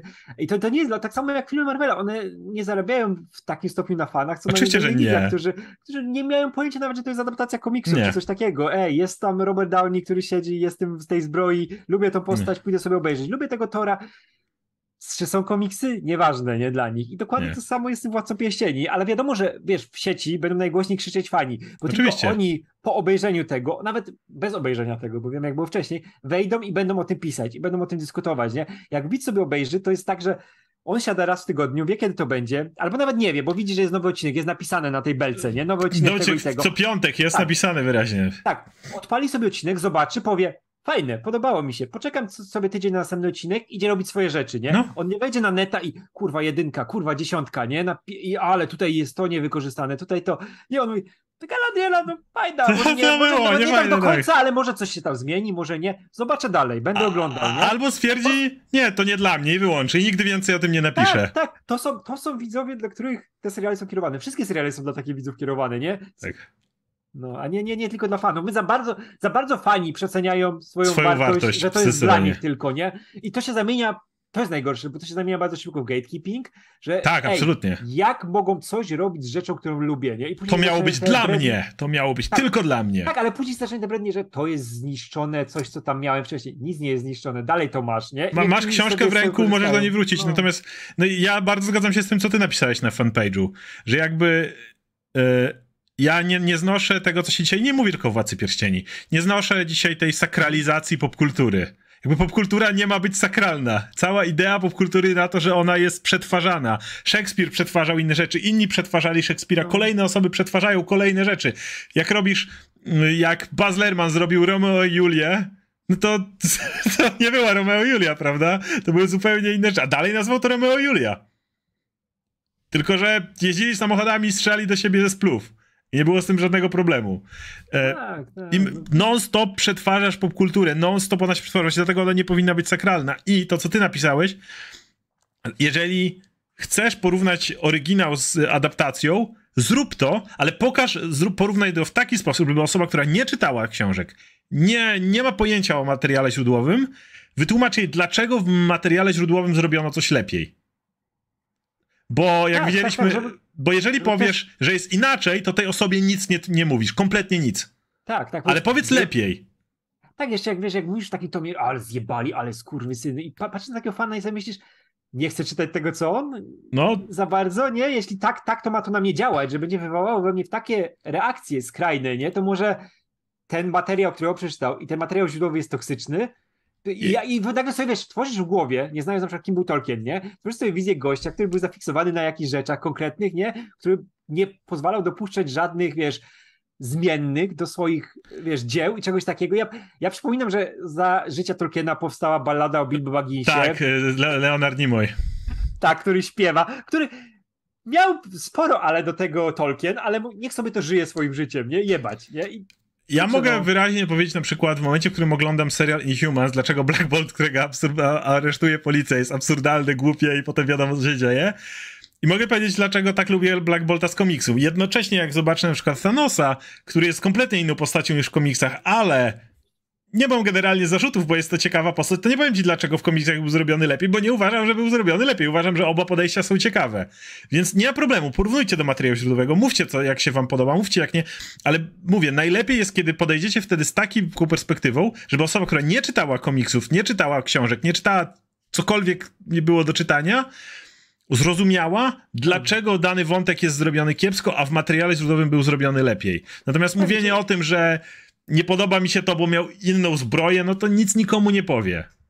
Tak, i najważniejsze, pamiętajcie, że Tolkien, oprócz tego bycia profesorem, co się cały czas wspomina, że to profesor pisał rzeczy super mądre i ten, Tolkien był przede wszystkim kolejnym nerdem, jak my wszyscy, on, wiesz, swoją pracę i to I przetwarzał inne, i tak, przetwarzał inne on, materiały non-stop. On, on, uciekał, on uciekał w fantazji i przetwarzał cały czas rzeczy, których był fanem. Wiesz, te rzeczy, które opisał Król Arturze, który zmieniał na swój mm -hmm. sposób, nie, o których mówił. E, on przetłumaczył całego Beowulfa, tak jak, wiesz, jak chciał, nie, jak uważał, że jest fajnie, nie, i się tym bawił. Wszystkie te jego notatki, które po nim zostały, nie, to są, to jest kupa takich popkulturowych przetworzeń, nie takich bardzo podmodernistycznych jak na jego czasy, nie? On się bawił tematami. Dla niego nie było aż takich świętości. On brał te legendy germańskie, brał te legendy no, celtyckie. Jasne. On z tych legend zrobił coś swojego i nagle nie przyjdzie ktoś tych fan legend, wiesz, tych celtyckich, germańskich, kurwa, jakie elfy tutaj. Te elfy w tych e, legendach były zupełnie inne, nie? Jak on tutaj takie coś wprowadził, nie? Tak. No, trzeba, trzeba z tej perspektywy patrzeć. Kurczę, Tolkien był przynajmniej, wiesz, wiadomo, że on miał uwarunkowania Czasów, w których żył.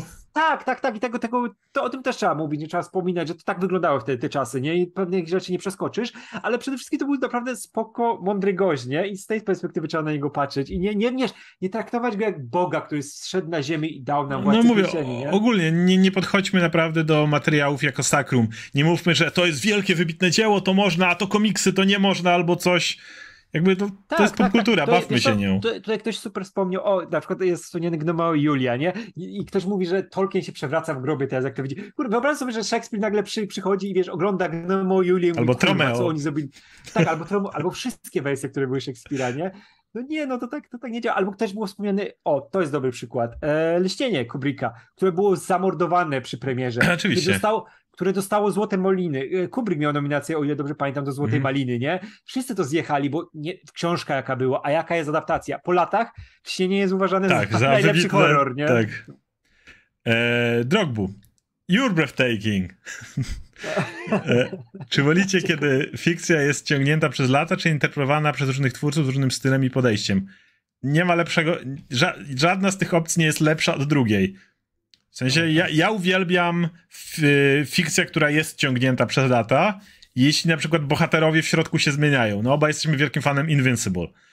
Ile lat był pisany Invincible? Paręnaście? Nie pamiętam, jak od pierwszego wyjdziesz numeru. A, ale przez to, że Mark Grayson, główny bohater, przez brałeś go w kolejnych latach i to był, on był w zupełnie innym punkcie życia szedł dalej i dalej, nie? Dlatego czytam też komiksy Marvela przez tyle lat, bo niektórzy wracają i są cofani w rozwoju i jest smutny moment, kiedy masz cofnięcie do status quo, ale, ale na przykład Moon Knight, którego obaj uwielbiamy i mówię, według mnie to jest dzisiaj najlepszy komiks Marvela, który dzisiaj wychodzi, no to jest cały czas postać, która się zmienia, która cały czas buduje na tym, co było wcześniej, nie? Cały czas, dopiero co Taskmaster wpadł, który ostatnim razem się widzieli zaraz po tym, jak Moon Knight odciął komuś twarz. I jest z nimi świetna relacja, jest spotkanie, więc uwielbiam tą długą narrację, która pokazuje, jak bohaterowie przeszli całą drogę. Możesz sięgnąć wstecz do, do tego i pomyśleć sobie, wow, pamiętam, jak on zrobił to i to, i to było, jeżeli to jest ciągłe. Natomiast z drugiej strony, jeśli ktoś przychodzi i ma zupełnie nowe podejście do jakiegoś reinterpretacji jakiego, jakiej rzeczy w kompletnie nowy i ciekawy sposób, dajcie mnie to i jestem tak samo otwarty na to w tym momencie. Więc A, żadna tak, z tych tak. wersji nie, nie jest lepsza. Każda ma jakby Tak, coś. Wiesz co, wiesz co, to jest, to jest w ogóle, nie wiem, akurat jak teraz była ta wielka draka o Punishera Arona, nie, że o, tutaj zmienił go i tutaj, wiesz, przywrócił jakąś postać do życia, nie? Jest fantastyczne. Że, p- tak, że Punisher nagle zostaje szefem hand, nie? I jak to tak można? On powinien cały czas siedzieć na tych ulicach i mordować w ten sam sposób tych złoczyńców, nie? I mówię, to jest świeży pomysł, zresztą tak samo było jak e, Remender zaczął pisać Punishera i zrobił z niego zombie, nie? E, Frankencastle. Tego Frankensteina, tak. Fantastyczna historia, nie? Świeżutka. szczerze, mam wrażenie, że najbardziej narzekają ludzie, którzy nie czytają komiksów i chcą mieć wyobrażenie, Tak, że tak, gdzieś tak. tam istnieje ten Punisher, który Mm. zawsze jest taki sam. Jak już jesteśmy przy tym, kończymy ten temat, to e, jutro, nie, jutro chyba będziemy publikować naszą rozmowę Iron o. Ironmanie Trójce. To już możemy zapowiedzieć. Jutro mamy z Bartkiem Przybyszewskim, też mogę to powiedzieć, e, długą bardzo dyskusję, wyszła nam naprawdę długa, o trzecim Ironmanie. Tam się pojawia wątek tego, jak interpretować można postać i że dalej wielu ludzi nie jest gotowych na to, żeby dostać coś świeżutkiego Tak. względem fabuły, a, i że można zmienić jakąś postać, którą już znamy z popkultury i dopasować ją do fabuły, którą chcemy opowiedzieć, ale niektórzy nie są na to przygotowani, nie? Bo są zmiany. E, jeszcze Konrad pisze, a Punisher nie był łowców demonów, co wy hejtowaliście? To hejtowaliśmy, bo były to chujowe komiksy. Tak, bo można zrobić, wiesz, Koncept sam, zmiany... sam koncept tak. łowcy demonów Punishera czemu nie? No po prostu te komiksy były bardzo źle napisane. Ej, ale Rem- Remender to dobrze zrobił, tam też ganiał za potworami, Tak. ale było to dobrze napisane, nie? Tak, oczywiście. Więc Oj, Iron Man 3 najgorsza część, to się i to zdziwisz. nie no, nie jest gorszy od dwójki bez przesady. To nie, nie może być gorszy od dwójki. Bardzo dobry film. Eee, Lecimy dalej. Dan Vivio, cześć. Oskar, jak ci się podoba drugi sezon Teda Lasso? Jak oceniasz go względem pierwszego? Właśnie pierwszego sezonu to nie pamiętam, żeby w jakimś serialu, zwłaszcza komediowym, był tak bardzo dojrzały, podstawiony wątek rozwodu. Piłka to tylko tło. Tak, to mi się strasznie podoba. I, i ten sery, motyw z rozwodem te, też był fantastyczny. Ten motyw, w którym po prostu dwie osoby... To nie jest niczyja wina jakby. To nie jest tak, że ktoś kogoś zdradzał, to nie jest wina tego. To jest po prostu dwie osoby, które po czasie się rozeszły. I to jest według mnie powiem to jako może coś co dla wielu ludzi jest kontrowersyjnych, ale uważam, że to jest właśnie najbardziej zdrowe podejście, które wydaje mi się, że jest w dzisiejszych czasach doprowadza do tego, że masa małżeństw jest nieszczęśliwych. I potem, I potem dochodzi do rozwodów, ale te rozwody często później są znacznie bardziej dramatyczne, znacznie bardziej krzywdzące, bo ktoś nie wytrzymuje, bo ktoś wiesz. Natomiast właśnie ta postawa, która, która mogła być promowana w momencie, w którym masz dwie osoby, które w pewnym momencie życia przestały ten sposób sam funkcjonować razem jak, jak kiedyś. To jest normalne, bo ludzie się zmieniają, ewoluują i tak dalej. I moment, w którym zamiast doprowadzić do tego miejsca, w którym faktycznie byłaby totalny dramat i jakby oni się cały czas y, próbują do tego dotrzeć, ale dojście do tego momentu, w którym nie, no, jesteśmy innymi ludźmi niż byliśmy na początku i to normalne, to jest coś, co wydaje mi się przydałoby się dzisiaj w bardzo wielu miejscach w społeczeństwie. Bo mówię, można się oszukiwać, można pracować i, i tam jest wyraźnie powiedziane. Oni chodzili na terapię, oni próbowali dalej, to nie tak, że nagle stwierdzili jednego dnia, e, nie, koniec. Nie, nie, oni na, sprawdzili przez długi czas, czy faktycznie nie da się coś z tym, czegoś z tym zrobić. Doszli do punktu, w którym się nie da i się nie da. I to jest według mnie tak zdrowe Tak, podejście. wiesz, To, to jest też super, że nie ma tego wątku, że o magicznie odzyskują miłość, szukają coś No. takiego. Nie, okej, dobra, no, nie da się tego naprawić. Próbowaliśmy, nie oddaliliśmy się od siebie, próbowaliśmy na odległość, zobaczyć, jak będziemy, wiesz, czy będziemy tęsknić, czy coś. Żona jest w takim stanie psychicznym, że po prostu no, nie, nie, No, no, nie da się, no. I wiesz, ale Ted, Ted ma tego świadomość, wiesz, go to boli, cierpi, nie? No w drugim sezonie Nie- jest ten cały motyw z terapią, Tak. nie? Jakby on, Tak, który tak, on ma tak. problem dalej. Ale to, to, jest, to jest fantastyczne. Ja dlatego nie znoszę zakończenia. Jak się nazywa ta gra It Takes Two? Fantastyczna gra, ale zakończenie to jest właśnie ten taki ckliwy bullshit, którym rodzice uznają, że jednak muszą zostać razem, bo mają córkę. Jakby to jest dla mnie bardziej szkodliwy, wy- to jest dla mnie bardziej szkodliwy przekaz niż, i oczywiście, bo się magicznie, wiesz, no nie, to dla mnie, nie znoszę tego, bo to jest bardziej szkodliwe niż próba przepracowania swoich traum i właśnie tak jak wtedy i sprawdzenia, czy da się je przepracować, a jak się nie da, to zrobić najlepsze, co się da. I w tym momencie masz ten motyw, w którym oni dalej, to jest też zdrowe wtedy, bo jakby wiemy, jak jest w społeczeństwie, kiedy są rozwody, w których ktoś nie, nie wyrobił, kiedy- których, które były trudne i dra, dramatyczne. A tutaj masz ten motyw, w którym on zawsze może zadzwonić do syna, jakby nie ma, nie ma wrogości tam żadnej po tym wszystkim, nie? I to jest, to jest super. I dzięki Tak, za, tak, tak. za naklejkę. A ogólnie to od Jacka. A, a ogólnie to drugi sezon spoko.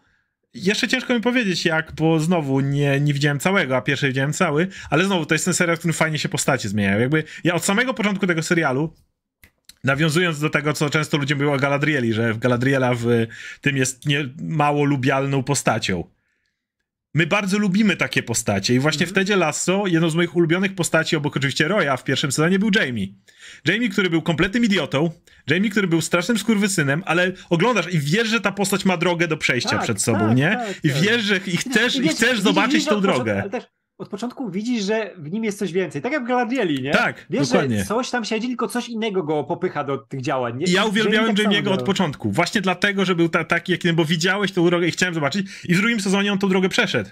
I moment, tak, w którym tak, on tak. na przykład w drugim sezonie prosi Roya, żeby go trenował. I jest ten cały motyw, kiedy on jest tym staje się tym team playerem.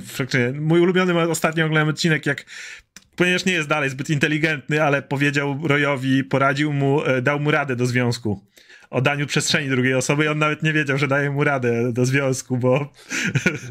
No ale, ale oczywiście Roy najlepszy. Tak, tak, samo z Royem jest, który też się nauczył pewnych rzeczy. Nie? On cały czas się uczy nowych rzeczy. Tak, ten od, końcówka tego odcinka, jak leci She's Like a Rainbow i on biegnie, noga mu wysiada, on dalej biegnie, żeby tak, dojść do tego. Tak, ale w ogóle to jest cudowny moment, jak e, e, Sted dał mu lekcję i wiesz, jak być kapitanem, że musi stawać to i nagle on robi to, co powinien zrobić nie? i nagle ma ten moment pierdolony Ted Lasso. No. O, właśnie, no, Konrad dobrze. Soren jest moją ulubioną postacią Dragon Prince, bo to też gość, który. Dokładnie, to jest ten taki tak. w miarę głupi gość, który na początku jest. On chce, on chce, on chce zabić, zrobić wypadek, żeby usunąć głównych bohaterów, a, na, jest, i, i, od razu go uwielbiam, bo widzi, że to jest gość, w którym jest coś więcej i jest przed nim ciekawa droga. Tak. Kurczę, ale tak samo, ej, Zuko z Awatara. O, Zuko, Zuko postać, właśnie. Mówisz, mówisz, kurwa, ale to będzie chujowa postać, muszą mu wpierdolić, nie? I nagle oglądasz do końca i sobie myślisz, fuck, no, to, jest po, to jest droga postaci, tak, nie? Tak. Zdobył moją sympatię przez tak. to, jak Dlaczego naszą ulubioną postacią w Dragon Ballu jest Vegeta? Tak, tak. Ja, ja, dlatego ja mam taką aż bekę z tego, jak jest podejście do Galadrieli, bo sobie myślę, czy ludzie nie wiedzą, jak działają seriale? Dokładnie, jak działa. Jak serial, nie, nie seriale, być... w ogóle opowiadanie historii. tak, tak, ale nie, ale wiesz, ale w serialu to jest troszkę inaczej, bo ja rozumiem, jak w półtorej godziny filmu, czy w dwie godziny tak, tak. muszą zamknąć tą postać, nie? I to była inna Galadriela, nie? No ale ja mówię, jeśli chcą, zapowiadają pięć sezonów przynajmniej, to ja sobie myślę, jak ludzie by chcieli dostać tom dokładnie Galadrielę, który Koniec drogi. Głowie, o czym był ten serial? Dokładnie, stop. Przez pięć sezonów. Koniec. Ja mówię, to jest super start. Widzisz, że ona jest zafiksowana na czymś, ma problem, jest, wiesz, i ona musi się rozwijać, ona musi poznać inne osoby, które wpłyną na nią, które ją czegoś nauczą, mhm. ona wyniesie z tego lekcję, ona się będzie zmieniać i dostaniemy na końcu tą, którą wszyscy chcą dostać, nie? Tą tak. mądrą po przejściach, tak. która zrozumiała pewne rzeczy. Mówię, no kurczę, to jest serial, ludzie. No, Ale dokładnie. po dwóch odcinkach już chuj, to nie moja Galadriela, no. Jak mi ktoś jeszcze powiedział, że ten, e, ta, to nie jest ta Galadriela, która, wiesz, na przykład o wygląd, która była w książkach, ja myślę, ej, czekaj, o który ci wygląd chodzi? O ten, który ja mam w głowie, o tym, który ty masz w głowie, o tym, który w głowie miał Tolkien, czy o tym, który każdy czytelnik ma swój wygląd Galadrieli w głowie, tak. nie? Ja mówię, opis, opis wyglądu to nie jest wygląd, nie? Nie wiesz, jak ona wyglądała. No, najlepszy przykład to są komiksy, nie? gdzie jednak u każdego rysownika postacie wyglądają odrobinę inaczej, nie? Tak, tak, tak, ale w książkach to jest zupełnie co innego. Dla mnie Remus Lupin z e, Harry'ego Pottera całe życie, zanim nie zobaczyłem filmu, ale... wyglądał jak e, ten generał Sanders. Ale główna Więc... bohaterka, która nie słucha mądrych argumentów od początku trochę razi. No nie, właśnie o to Ludzie chodzi. Tak po raz kolejny mówię, Jamie, nie, Jamie którego uwielbiałem, nie słuchał żadnych mądrych argumentów prawie. Tak, ale w końcu tak. jest moment, w którym y, jego była dziewczyna mu mówi przestań y, odpychać od siebie ludzi, którzy chcą ci pomóc jest moment takiego jednego pstryk i to jest fenomenalny moment postaci, nie? Mhm. Więc no, charakter development. Ja bardzo, ja bardzo, bardzo czekam, jak się będzie zmieniała postać Galadrieli, bo widać, tak. że ten serial jest na nie w głównym stopniu oparty, nie? Oczywiście, więc jakby ja, jakby jeżeli serial się kończy i postać nie przeszła tej drogi, no to gówno, to wtedy możemy powiedzieć, że źle to napisali ale postać, która jest w takim miejscu ma zawsze świetny potencjał. Dlatego też na przykład w Grze Tron tak nie lubimy, tak lubimy Jamie'ego. Tak wszyscy uwielbiali. Znowu, tak, znowu zaczął, Jamie, znowu Jamie. Zaczął z najgorszego miejsca. To jest typem, który wypchnął tak, chłopaka i prawie go zabił, wypychając, okaleczył go, nie? A kończy w jakim miejscu. I, I, znowu nie lubimy tego, co się stało z Daenerys, bo było to, a nie droga, którą no, chcieliśmy oglądać. O, o, o, Elvin, no, pamiętacie Snape'a z Harry'ego Pottera? Ej, zanim stała historia jakaś, nie? No, więc tak. No. Charakter development, ogólnie rzecz biorąc. Tak, tak. E, Strat Wązarowicz pyta, jak, jak zwykle pytanie. Ja mam jedno pytanie. Gdzie pieniądze są za mój las? Jako pan na włościach las Zwalicz, Zwalicz, jest mój. Zwalisz. To jest Swalisz. Więc e, za polowanie zwierzęcia ogniska trzeba płacić. Tak na serio, czy będą jakieś mrugnięcia okiem do w drugiej kampanii, na przykład Karczmarz Walakowicz? Będą jakieś mrugnięcia. To mogę powiedzieć. Ale nie za wiele. Ogólnie chcę powiedzieć jedną rzecz. Ciekawostka dla ludzi, którzy śledzą nas również na Spalmy, to za, zapraszamy w tą niedzielę kolejny odcinek. Um, idea jest taka, że ja trochę mrugnięcia sobie wyobrażam, ale nie bez powodu budujemy nowy, nowy świat, ten, który, o którym wspomniałem parę rzeczy, nazywany cały czas roboczo blaskiem. E, w tej chwili jestem na etapie, w którym stworzyłem mniej więcej wszystkie rejony, Teraz z Pawłem gadamy o geografii konkretnej, wiecie, mamy rejony, wiemy jakie elementy są, ale chcemy, żeby to nie wyglądało jak prostokąt czy coś kontynent, tylko jak ciekawie można to urozmaicić. Ale dlaczego robimy własny świat? Mamy, opowiedzieliśmy ciekawą historię w Głach, opowiemy ciekawą historię w Machinach Lantanu, ale ostatecznie, jeżeli chcemy robić historie, które się mają czasami przenikać, co jest fajne, jakby nie patrzeć, nie? Robimy one shot, w którym bohaterowie mogą, że potem pojawią się w innym miejscu, w kampanii i tak dalej. To jest fajne, ale bardzo nie chcę bawić się w multiversum bardzo nie chcę bawić się cały czas, że nagle postacie z innego wszechświata wpadają tutaj i tak dalej, bo to jest tanie. Natomiast w momencie, w którym będziemy mieli swój własny, strukturalnie ustawiony świat, będzie ciekawiej, kiedy będziecie, kiedy na przykład postacie w one będą mogły być w miejscu, w którym wie, widowie wiedzą, że coś się wydarzyło, bo postacie w innym miejscu coś tu zrobili. Wie, zrobiły, więc yy, tak, mrugnięcia okiem tak, ale raczej nie chcę się bawić w multiversum. Tak, tak. Plus, plus ja tylko dodam, że, ten, że e, to jest ciekawe, że kampania Pawła będzie troszkę inaczej strukturalnie niż poprzednia, więc mhm. czeka was troszkę odświeżenie formuły. Nie? Będzie na jeszcze mniejszej przestrzeni niż mgły. Tak, tak, tak. Vegeta 2332 Cox. Panowie, czy obejrzeliście może Better, Better Call Saul? Ja nie. Kiedy będzie dyskusja o Breaking Bad? Dla mnie oba seriale trzymają wysoki poziom. Tak jak mówię, ja nie widziałem nawet jednego odcinka Better Call Saul. Uwielbiam Breaking Bad. Cały czas się nie mogę za to zabrać. Muszę, muszę być w odpowiednim, na odpowiednich falach, żeby zacząć oglądać, bo wiem, że jak zacznę, to już będę oglądał, wiecie, do końca, więc to jest ten moment, że tak, musi, ja, musi przyjść ja, moment. Jestem, ja jestem dwa sezony do tyłu, ale nie chcę szybko nadrabiać, bo wiem, że już więcej nie będzie po tym i jest ten strach, więc sobie będę dawkował jeszcze. No, specjalnie tak odkładałem. Natomiast cały czas męczę Radka, bo w ten piątek jest e, premiera piątego sezonu Cobra Kai. Pierwsze 15 recenzji są zachwyce, zachwycenie, patrząc na to, że czwarty był złotem, więc mam nadzieję, że będziemy mogli z Radkiem pogadać o Cobra Kai, bo tak się nie wiem, nie wiem czy wiecie, ale swego czasu na live tutaj się tak umawialiśmy, że jak ja obejrzę taki serial o piłkarzach, to Radek obejrzy taki serial o karatekach i nie wiem. Jeszcze nie skończyłeś te lasy, ja mam jeszcze chwilę. Już mi tyle zostało. Gwarantuję ci, szybciej skończę. Musiałbyś jednego dnia napierdzielać, ale... Mam jeszcze chwilę, mam jeszcze Okej, okay, jakby spoko. Jak lubisz binge-watchować trzy sezony pod rząd, to nie ma no, problemu. No, zobaczymy, zobaczymy co wyjdzie. Oldman Gary Oldman. E, cześć. Widok Oscara jako gracza, nie mistrza gry będzie coś dziwnego. To tak jakby zobaczyć i trzy kropki, bo nie ma będzie, dalszego. Będzie dosyć dziwne, jak zobaczycie Oscara postać. Będzie specyficznie. Moja postać jest, jest, jest, jest okej. Okay. Będzie ciekawie, będzie ciekawie na pewno. No cóż, no jest. Już, już w pierwszym odcinku będą fajne rzeczy powiązane, e, jeśli chodzi o relacje między postaciami. Ale to nie, nie spoileruję niczego. Okay. Zobaczycie. No. um, Matt Brado, Bardok. Cześć, chciałbym kiedyś dostać film serial, grę, cokolwiek, w którym Scorpion Sub-Zero boją się razem na misjach i później piją sobie herbatkę jak w filmach Kurosawy. Mogłoby tak być po ty, jakby akcja się działa po dziesiątce, między dziesiątką a jedenastką chyba, nie? No, jak oni byli ziomkami. Każdy, tak. tak. Każdy miał ten swoje klanowe rzeczy, ale się spotykali, na, praktycznie na herbatkach się spotykali, nie? Ja bym to zobaczył, nie? Kurczę, bo taki film właśnie jak w stylu Kurosawy ze Scorpionem Sub-Zero to by było idealne. I mnie to boli trochę, że w Mortal Kombacie nie bawią mocniej gatunkami i nie robią mniejszych rzeczy. Zawsze jak musi coś powiedzieć z Mortal Kombat, to musi być to turniej i wracanie do podstaw, jak w ostatnio w tych animacjach. Wiesz, nie? bo, bo raz, raz w życiu spróbowali co czegoś innego i się na tym wyłożyli i nigdy nie wracali. Sub-Zero, wiesz.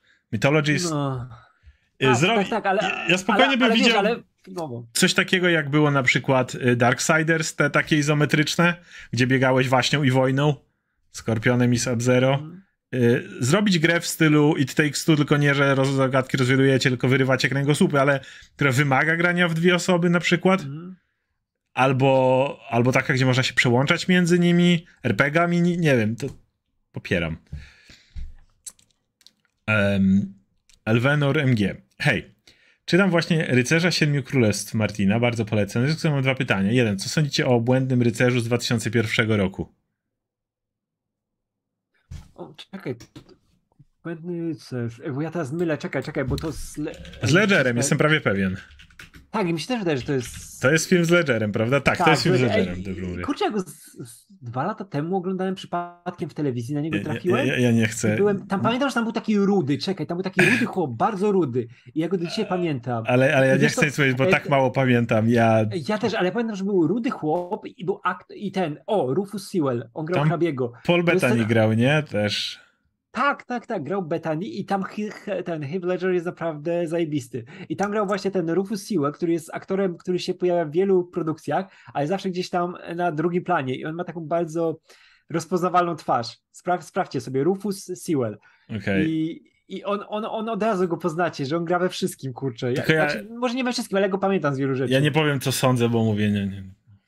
Pamiętam. O, on ostatnio grał w Old, tak. W Old grał w Ojcu z Antony Hopkinsem. To jest twarz, którą zawsze pamiętam. Czy no. poleci jakieś książki, filmy lub komiksy z dobrym motywem rycerstwa, honoru itd.? Fanta fantastyka, którą w większości czytałem, zawsze oczywiście to skręciłem w stronę tej w stylu Wiedźmina czy Gry o Tron, gdzie zawsze z rycerzy się śmieli, nie? I zawsze, jak, mhm. jak to mówił Bron, walczyłeś właśnie bez honoru on walczył, bo ja jestem lepszy, bo on nie ma. Więc musimy się zastanowić o takich. Radek zna chyba wszystkich rudych z filmów, ale to jest prawda. Ja mam zawsze w każdym, w każdym filmie, w każdym serialu fantazy trafia się jakiś rudy, który jest moją ulubioną postacią. Był rudy z Gry o Tron, teraz znowu wchodzi rudy z e, Rings of Power, nie? I zawsze jest ten rudy, no.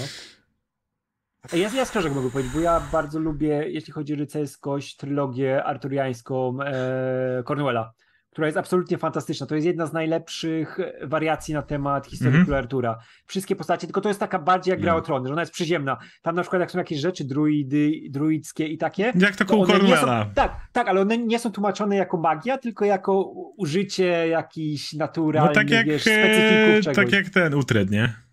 Tak, że na wszyscy na narkotykach latają, coś takiego, ale to jest super napisane, polecam. I tam są takie fajne przeskoki Kurde, czasowe długie. O, każde, o każdej takiej motywie myślę, który myślę, to zawsze gdzieś główny bohater jest jakimś cwaniakiem, ma jakąś, nie mogę sobie powiedzieć takiego, gdzie wiesz, jest poza, poza, poza arturiańskimi legendami, wydaje mi się, że jest trochę szkoda, że ten klasyk takiego honorowego rycerza został za bardzo wyśmiany przez popkulturę i sprowadzony właśnie do tych sztywniaków, e, gdzie generalnie to raczej te charyzmatyczne, cwańsze postacie są tymi, którzy wiesz, którzy są głównymi bohaterami, więc generalnie, no nawet teraz trochę żałuję, bo jak o tym myślę, to teraz jak, jak chcę cokolwiek podać, to a jednak nie, tam jednak też kurde, no, no, no nie, nie, nie kojarzę. Tutaj jest do, dobry przykład na czacie, jest dobry rycerski fabuł, ale to nie jest książka, ale Ghost of Tsushima.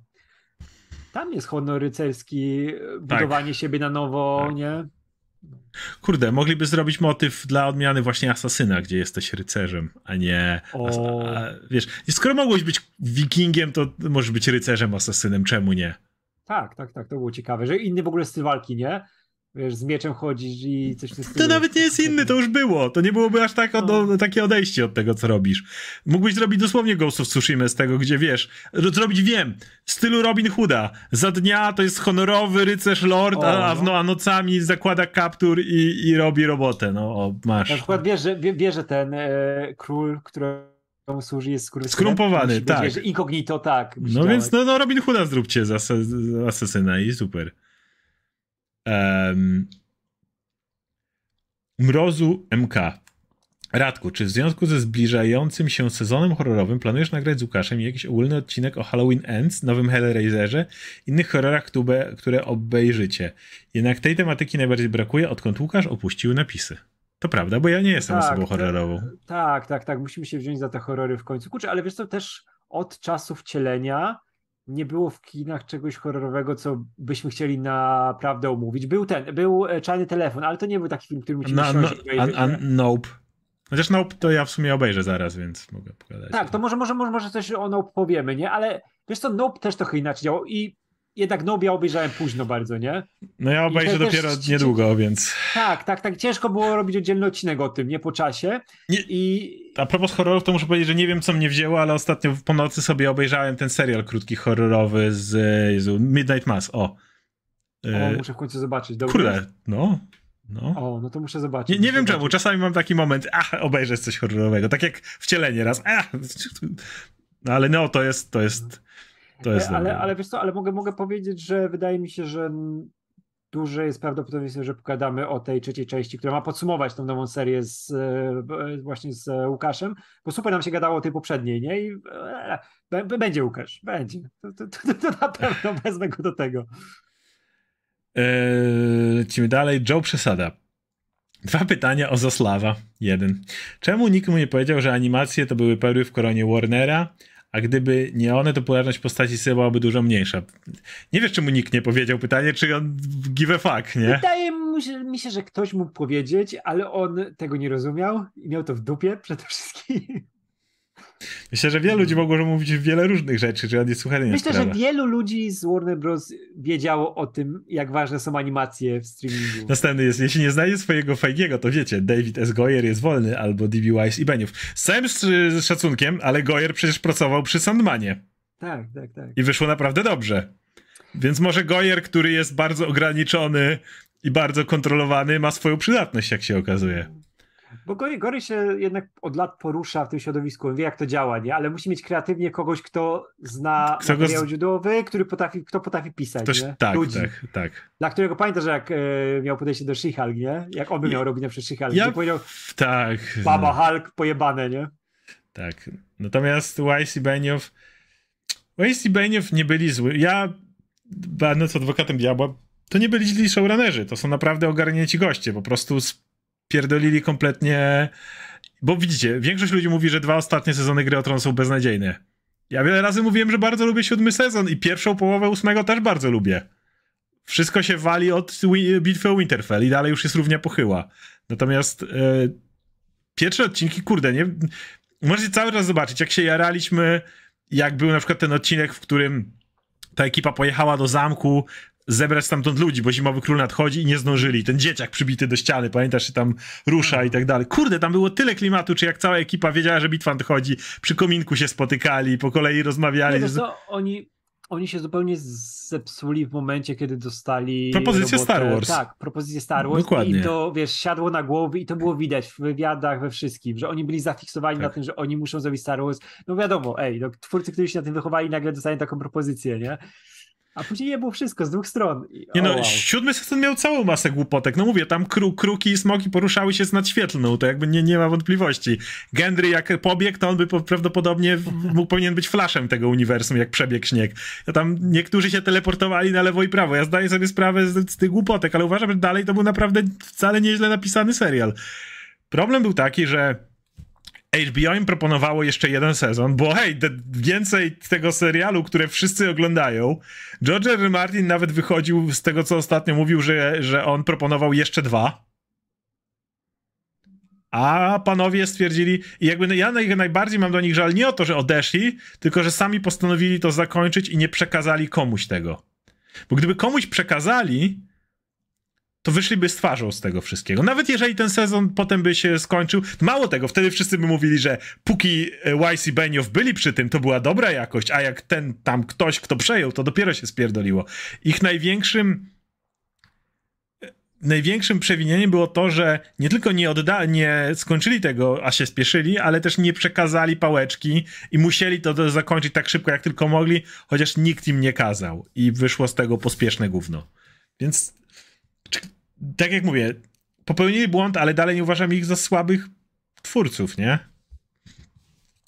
Um, Vanilla Nice Scatman. Czy Philips bez schematu będzie się jeszcze pojawiał na napisach końcowych? Słucha się go znakomicie, mówi bardzo ciekawie i ma głos, który mógłby Halka odmieniać w bannera, taki jak samitny. Wygląda bardzo spoko chłopa. Wyżej wymienione komplementy czuł się oczywiście również was. Bardzo dziękujemy, ale wiecie, że Filip ma swój kanał, który nazywa się Bez Schematu. Jak lubicie go słuchać, to tak, na jego kanał, gdzie Radek również się nie pojawia tak, i gwarantuję, że możecie tam posłuchać jego głosu znacznie częściej. Tak, tak, nie musicie czekać, że się tylko nie, u nas musicie pojawi. dokładnie nie, czekać u nas. Nie, ba, ba, bardzo polecam. Nie, ale u nas się też na pewno jeszcze pojawi. No, no to, jest, to, to jest, on jest w tej grupie, którzy, którzy, którzy ten, który, z którymi mamy dobry kontakt, więc, więc bez problemu. No też, którymi, znaczy, jak to zabrzmiało, dobry kontakt, z którymi nam się miło gada po prostu. Bo z niektórymi mamy zły kontakt. Tak. Nie, nie, ale to, to, nie jest tak, że wiesz, bo często się pojawia, że czemu tego nie zaprosicie, nie? Zaprosicie tego, no ale wiesz, to często są ludzie, których zupełnie nie znamy i to nagle tak, ej, pogadaj z nami, bo ktoś nam powiedział, żebyśmy z tobą pogadali, nie? A to zupełnie inaczej działa, jak kogoś po prostu znamy, nie? I, ej, fajnie, fajnie nam się gada, nie? Pogadamy, więc, więc tak, tak. Gabe, nie wiem. A wy panowie, co robicie w ukryciu? I czy omówicie kiedyś serial konkretniej? Radek go w ogóle nie oglądał. Ja nie widziałem jeszcze żadnego odcinka z najnowszego sezonu, ale ja zwykle go je binge'uję. Chyba dziesiąty wyszedł ostatnio, czy coś takiego, więc jak nie, skończę Teda i pewnie się za to zabiorę, bo uwielbiam. E, czy oprócz Teda Lasso jest coś, co polecacie na Apple TV? Ja odpaliłem tylko dla Teda Lasso, ale w sumie o tym Severance, nie? Że to jest ten... O, Severance jest fantastyczny. To jest jeden z najciekawszych, jeśli chodzi o strukturę i o to, co się dzieje z bohaterem. Tylko to, to jest, wiesz, to jest ten przykład jak z Devs e, Alexa Garlanda, nie może za dużo powiedzieć, bo to masz, w ogóle punkt wyjściowy jest taki, że masz gościa, który mhm. pracuje w pewnej firmie, która wymazuje jego wspomnienia, gdy on wychodzi z pracy, że jego życie poza pracą i w pracy to jest jedna osoba, ale ma dwa mhm. zupełnie inne życia, nie? Ten w pracy ma inne wspomnienia niż ten z tego życia. Ten okay. nie wie, co się dzieje tu, ten nie wie, co się dzieje tu, nie? I wiesz, jaki to jest konflikt przyszłości, nie? Jakby coś takiego mogło być, nie? Że firma ci może kasować wspomnienia, żebyś skupił się tylko na pracy, nie? Ale to musisz być strasznie przenosić... nieszczęśliwym człowiekiem, będąc mając tylko eee, pracę w życiu. Dlatego ten, który jest w pracy, to w pewien inny sposób reaguje niż ten, który jest poza pracą, nie? Jeszcze mu jak pewne rzeczy zaczynają nakładać i pewne postacie, nie? Które się pojawiają, bo też ma kumpli z pracy, których mm. nie zna poza pracą, nie? To jest tak zajebisty koncept i tak fajnie rozwijany. Ja jestem w połowie, więc nie, nie wiem jeszcze jak się kończy, ale od czasu devs właśnie Gerlanda nie oglądałem czegoś tak oryginalnego w telewizji, więc polecam. Mhm. Ehm, czysty kucharz. No dobrze, czysty. Mam dziś e, dzień oczyszczania umysłu. Idę do wanny na seans dla duszy. Nadrobiłem już dziś brygadę RR. Co teraz polecicie? Pozdrawiam, Oskar najpiękniejszy, Radek wiadomo. Okay. Ale czekaj, czekaj, czekaj, nadrobiłeś tą starą, animowaną Brigaderę? Czy, czy, czy tą... nowy, ten y, Lonely Island? Ten film. Bo kurczę, film dostał Emmy, nie? Ostatnio. To nawet nie widziałem. Tak, tak, tak, tak, dostali. Ale, ale, ale animowany. Ale, ale, ale, ale, ale jeżeli lubisz ich humor, to Never Stop, Never Stopping. No, oj, cudownie, cudownie. Oj, jeżeli podoba ci się humor, jeżeli myślimy o tym samym, to never stop, never stop. Ja do dzisiaj mam w głowie, jak Andy Samberg śpiewa Fuck Bin Laden. Ja, a, a, a, a, a ja... Mona Lisa, you're an ugly piece of shit. Ale nie, Never Stop, Never Stop to był właśnie historii Dewey'a Coxa, to jest najlepszy biopik muzyczny, który, który, jest tak dziwny, nie? Ale wiesz, to jest najlepsze, że te żarty są podawane właśnie z tym deadpanem, co ja uwielbiam, nie? Właśnie jak to Fuck Bin Laden, nie? To nie jest, że ktoś tam ci oko puszcza. Wiem. Masz, masz wiesz, po, po, pową gwiazdę, która ci śpiewa o tym, że jebać Bin no, e, Piosenka o, szan- o, o, byciu tolerancyjnym i szanowaniu innych orientacji tak, seksualnych, I, I, to, jest no, coś, no, no, to jest coś, co dosłownie widzę za każdym razem, jak ktoś mówi jestem tolerancyjny, tak, ale. Tak, tak, tak. To jest tak. dokładnie. Posłuchajcie sobie te, tego, to jest stuprocentowo, jak ktoś mówi, no ja nie mam nic przeciwko temu, że tak, tutaj tak. tych ale, i wtedy to, to ta piosenka to, jest, to, dokładnie. To, to jest w ogóle super, że jestem tolerancyjny, mam przyjaciół gejowala. Chciałbym, żeby wszyscy. No, ale to jest tak, tak. I'm straight. I tak dalej. to, to, to, tak, tak, że jestem tolerancyjny, to no homo. tak. No, cudowny film. e, Okej. Okay. Lecimy dalej. E, Robert Baggio. Cześć. Pytanie Roberto, do Roberto, Aha. Roberto, aj ty. Pytanie do Oskara, jakim cudem? Ja się nie znam na piłce. Jaki jest ulubiony włoski piłkarz lat 90. Oskar, jaki... A nie znasz żadnego z lat 90. piłkarza włoskiego? Z czemu miałbym znać? z, lat, z lat 90. nawet mniej niż później, bo w latach 90. była tylko jedna rzecz, nazywała się NBA jeżeli chodzi o sport i, i, i byli Bullsi, może Lakersi, jeszcze był Szak, który grał w Orlando, więc może, ale w latach 90. Jezu, ty jeszcze Szaka z Orlando pamiętasz? Potem w Lakersach był oczywiście, ale, ale, ale, ale, lata, ale początek lat 90. to był Orlando Magic.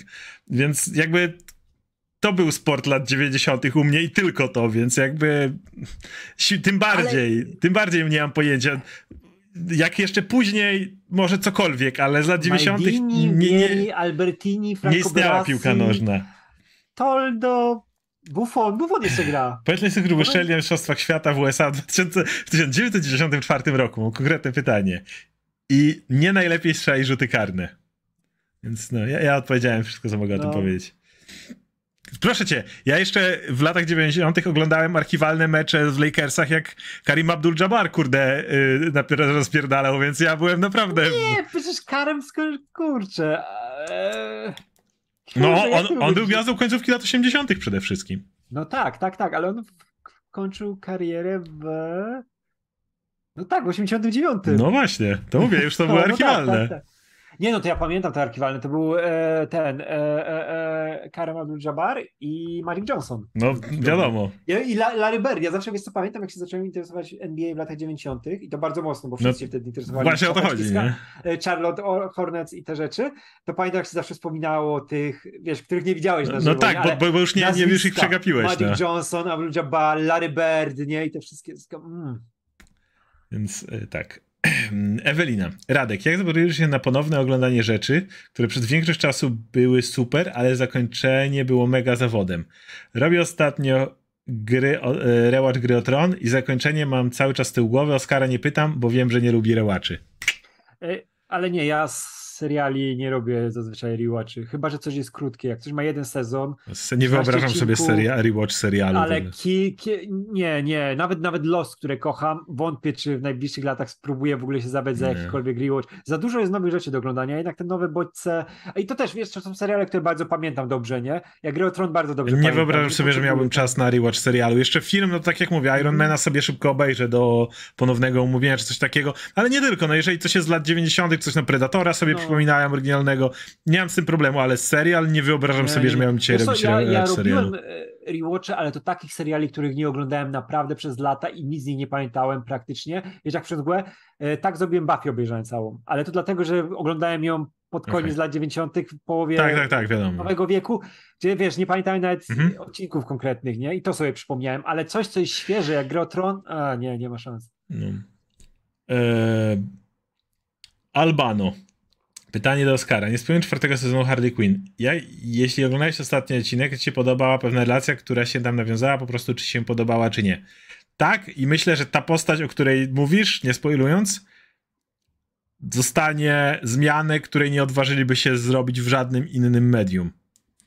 Bo patrząc na to, że ruszyli już taką postać jak Joker, to akurat wiemy, bo to nie spoiler, bo w drugim sezonie, bo to trzeci sezon, nieważne.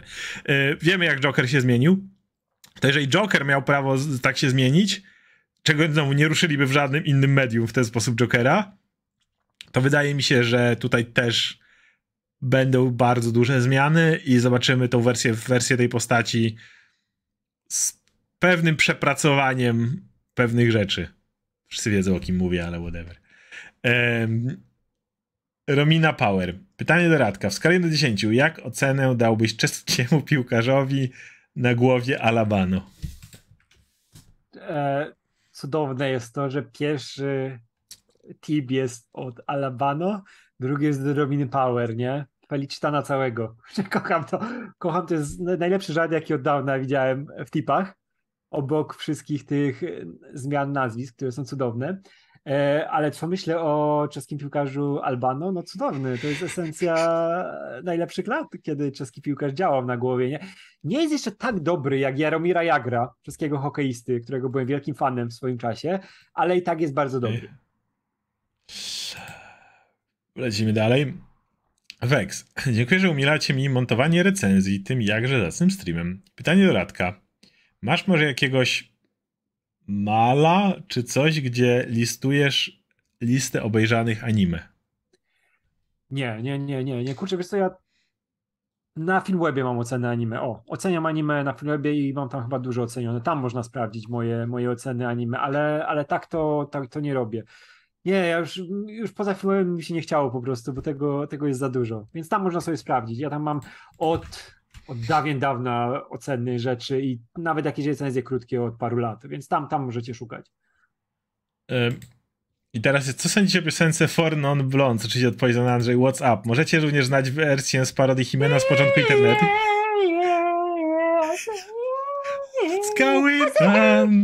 What's going on? Ale to kochałem, kochałem się, mówię, z jakiegoś powodu wszyscy bardziej kojarzą to z Himena. Z jakiegoś no, powodu wszyscy... Ja Ej! oh God! Oh my God, I cried. I tried so hard. Instytucja.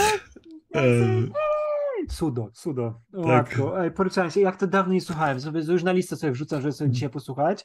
No, hej, Himan, non for blond. Cudowny zespół jednej piosenki. Yes. Okej, okay. e, zaczynamy od Konrada. Więc, e, żeby było jasne, to nie wiem przeciwko Warhammer Total War. Teraz nagram w dwójkę. Problem jest taki, co te gry prezentują. Przede wszystkim trudność w modach i to, że frakcje są jako DLC, więc trzeba więcej kasy wybulić.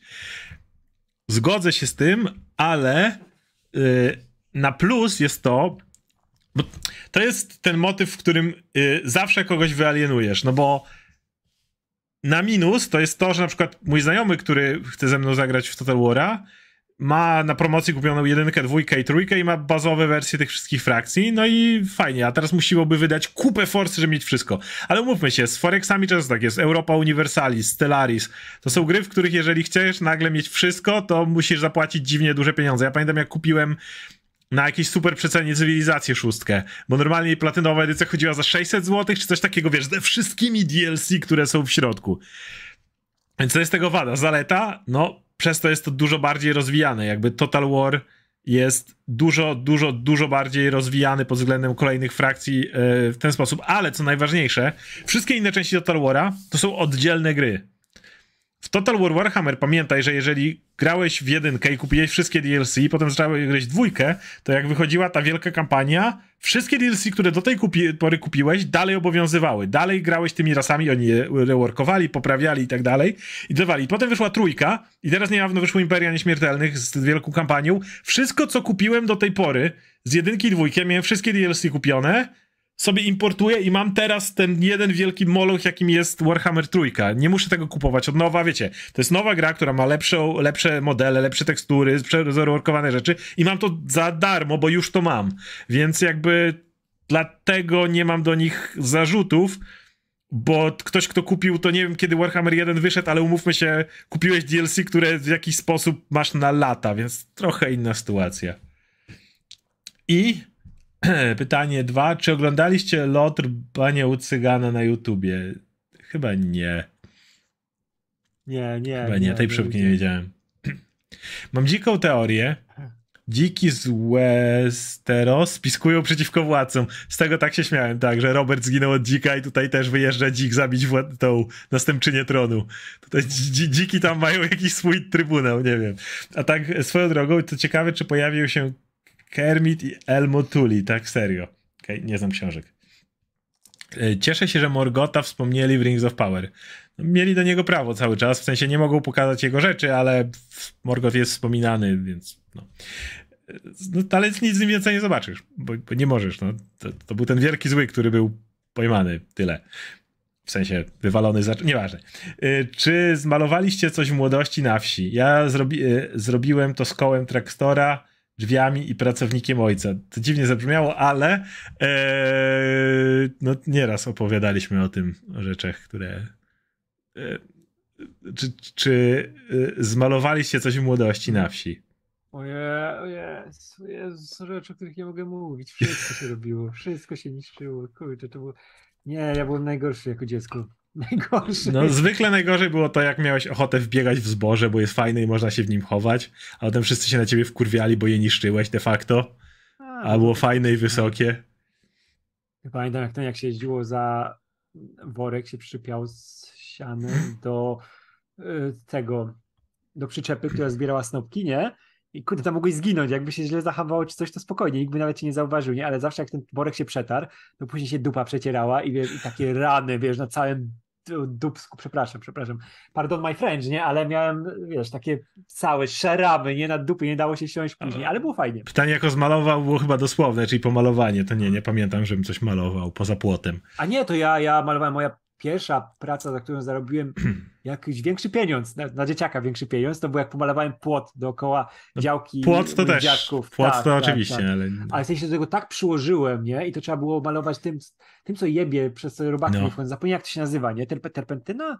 Wie, wiem o co chodzi. Jakoś, tak, wie, wiesz o co chodzi, nie? I to śmierdzi strasznie, nie? I to jest takie ciężkie do pomalowania, ale byłem z siebie bardzo dumny. Dostałem pieniądze, wydałem je na jakieś rzeczy, pewnie bym cię żałował na co wydałem, ale wtedy się cieszyłem bardzo z tego.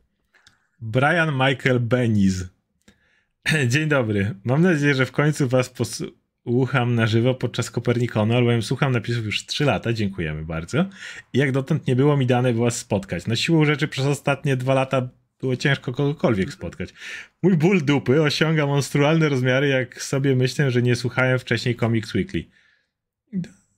Comics Weekly było jednak miało inny format zupełnie pod tym względem, więc tak, cóż. Tak, tak. Natomiast będzie, będzie, będzie nas łatwo złapać na Kopernikonie, bo będziemy, będziemy całe trzy dni. Będziemy trzy dni, będziemy w wielu miejscach, e, więc myślę, że nie będzie z tym mniejszego, większego problemu. Dla mnie to jest pierwszy konwent od początku pandemii. Ja nie od 2019 roku nie byłem na absolutnie żadnym konwencie. Więc e, no nic dziwnego, że nie dało się nas spotkać za bardzo. Ty byłeś jeszcze na Pyrkonie, czy byłeś wcześniej na czymś? Nie, nie, nie byłem na Pyrkonie i teraz byłem na Dniach Fantastyki, nie? Tutaj u mnie we Wrocławiu. No ja jeszcze poza Kopernikonem to już wiem, że no będę na MFC, będę w sobotę i w niedzielę i w niedzielę mam spotkanie o 12 prowadzę z Kim Youngiem G, świetny artysta i obok Grega Rocky naj, największe nazwisko te, te, na tym festiwalu, warto go zobaczyć, bo jest naprawdę super i się bardzo cieszę, że będę mógł prowadzić spotkanie i mam jeszcze o 14 bodajże e, panel z Edge Runners właśnie, bo Netflix i chyba będzie nawet, jest, jeszcze nie wiem do końca, ale może będzie projekcja przedpremierowa odcinka. Zobaczymy, jak to wypali, nie? Ale też, też się bardzo na to jaram, bo ja czekam, bo to moje ulubione studio Trigger robi, więc zobaczymy, co z tego wyjdzie. Serwanie zdaje nam Iwan Dragonbol. Cześć. Co sądzicie o filmie Człowiek w żelaznej masce z 98 roku? Grał tam DiCaprio, Jeremy Irons, John Malkovich, Gabriel Byrne jako D'Artagnan. Czy warto do niego wrócić? Bo za dziecka mi się bardzo podobało. Ja pamiętam, że mi nie przypadł do gustu, jak byłem młodszy, ale kurde, nie widziałem go. Z... Ja pamiętam, że go ostatni raz widziałem 20 lat temu. No. I pamiętam tylko tyle, że pamiętam kampanię reklamową tego filmu, bo wtedy Leonardo tak, DiCaprio tak, po Titanicu był zajebisty, mocnym nazwiskiem i wtedy był, to był ten okres, kiedy pamiętam, że to było ciśnięte, a później tak było, jak się plaża pojawiła. Nie? Ten The Beach. O Boże, plaża, tak. Ten... Tak, to, to ja, ja, to, ja mam dużo sensu tego filmu, ale no, to, to był bardziej eksperymentalna rzecz z DiCaprio, ale wtedy nazwisko DiCaprio to tak jak dzisiaj, no dzisiaj tylko w innym kontekście, nie? Bo on wtedy był tym młodym, mm. zdolnym aktorem, nie? Który ten. I pamiętam, że Człowiek w żelaznej masy to miał być najlepszy film świata. On mi się tak przynajmniej zapowiadał, bo wszędzie były jego reklamy, nie? Że on zagra dwie postacie i to jest adaptacja klasyki, nie? Ten e, Wiktora Igo, nie? I w ogóle. I obejrzałem ten film, pomyślałem sobie, okej, okay, był spoko i nie pamiętam go dzisiaj zupełnie. George Gibbon. Czy David Benioff nie był czasem scenarzystą X-Men Geneza Wolverine? Tego filmu, którego reżyserem był chłop, który nakręcił w pustyni i w puszczy. Pamiętam, reżyserem tak, każdy... ale... Pamiętam, jak wtedy była ta akcja, że Polacy się cieszyli, że tak, to jest nasz Gavin Hood. Najgorsze, co się da, nie? Tak. E, e, scenariusz, tak, David Benioff. O, okej. Okay. No cóż, cóż mogę powiedzieć. Mam nadzieję, że, że wyciągnął chłopak wtedy wnioski z tego, co, co, co zrobił i przeprosił. Nie, nie, wiem, że nie przeprosił, ale mógłby przeprosić. Nie, nie wiem. E, Michael Bogdan. Cześć. Czy oglądaliście serial na HBO Max Lakers? Dynastia zwycięzców, czyli historia Lakersów z czasów Magica Johnsona i Karima Abdullah-Jabbara. Właściciela Jeszcze... Lakers, gdy wasz... E, gra, właściciela Lakers gra wasz ukochany John C. Reilly. Nie, tak, tak, ale ja, ja nie słyszałem, i, ale już, już, już e, trafia ja na listę, mam, ja, że tak powiem. Ja mam na liście i muszę zobaczyć, bo Rally w ogóle zebrał za to kupę, kupę dobrych Kurde, opinii. muszę zobaczyć. Tak, i słyszałem same dobre rzeczy. Mój kumpel to obejrzał i przez miesiąc mi mówił, że muszę obejrzeć, muszę obejrzeć. dałem na listę i tak zostało, ale nie, wrócę, wrócę sobie teraz, przesuwam wyżej. Okej, okay, więc yy, na tym koniec. Przerobiliśmy wszystkie lipy. Więc przed 21, tak jak planowałeś. Tak, e... zaraz lewy debiutuje w Lidze Mistrzów w Barcelonie. O. Tak, więc pójdę oglądać coś ciekawego zamiast tego. E, więc, e, więc tak, w tym tygodniu e, postaramy się Ród Smoka omówić w te dwa odcinki ostatnie. She-Hulk pewnie omówimy, bo będzie z Daredevilem. Chyba.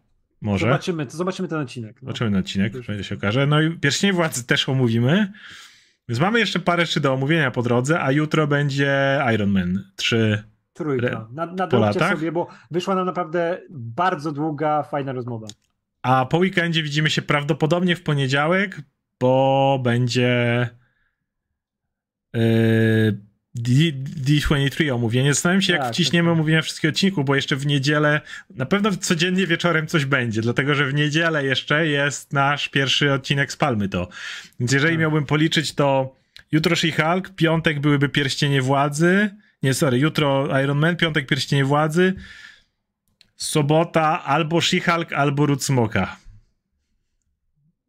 Zobaczymy, jak ta She-Hulk będzie wyglądała w tym tygodniu. O, tak. tak. I bo ja, bo ja, ja, ja, bym pogadał o Rodzie Smoka, bo uważam, że końcówka była tak absurdalnie nie, głupia. Ja chcę, nie, no ja chcę, ja właśnie, wiesz co, bo w tej She-Hulk, no, ciekawi mnie, czy będzie ten Daredevil, nie? Bo te, na, na, ten moment nie mam po co gadać, jak nie będzie tam Daredevila, na serio, bo wiem, że jeśli to będzie kontynuowało to, co było w ostatnich odcinkach, to ja wolałbym dwa odcinki na raz mówić. To nie tak, że nie chciałbym o tym gadać zupełnie, mm. ale jak mają mieć 20 minut i taki kontent, tak, jaki był okay. poprzednio, to wolałbym na raz. To jak ale będzie jak Daredevil, pojawi... to pogadamy tak. i wtedy Ród Smoka pójdzie do trzech odcinków omówienia, natomiast jeśli nie będzie Daredevila, to pogadamy sobie o Rodzie Smoka, a She-Hulk poleci następny. Tak, tak, tak, tak. Bo Ród Smoka to też nie jest tak, że my nie chcemy o nim gadać, tylko tu spokojnie się mogą nazbierać odcinki, nie? Bo tu tak fabuła idzie, że czy pogadamy o dwóch, czy o trzech, to i tak wyjdzie na fajna dyskusja, nie? Więc e, no, także od dzisiaj do poniedziałku włącznie będzie codziennie jakiś materiał wieczorem. Ups. Tak, i przygotujcie się na ten poniedziałek, bo live robimy, nie? O tym, live, na pewno live. Tak, tak, tak. Sobie tutaj razem pogadamy wszyscy. O. Dobra. No, także z naszej strony to wszystko. Bardzo dziękujemy wszystkim, którzy wpadli, którzy wspierają dalej nasz kanał. No i do zobaczenia. Widzimy się przy kolejnych napisach końcowych. Trzymajcie się. Cześć.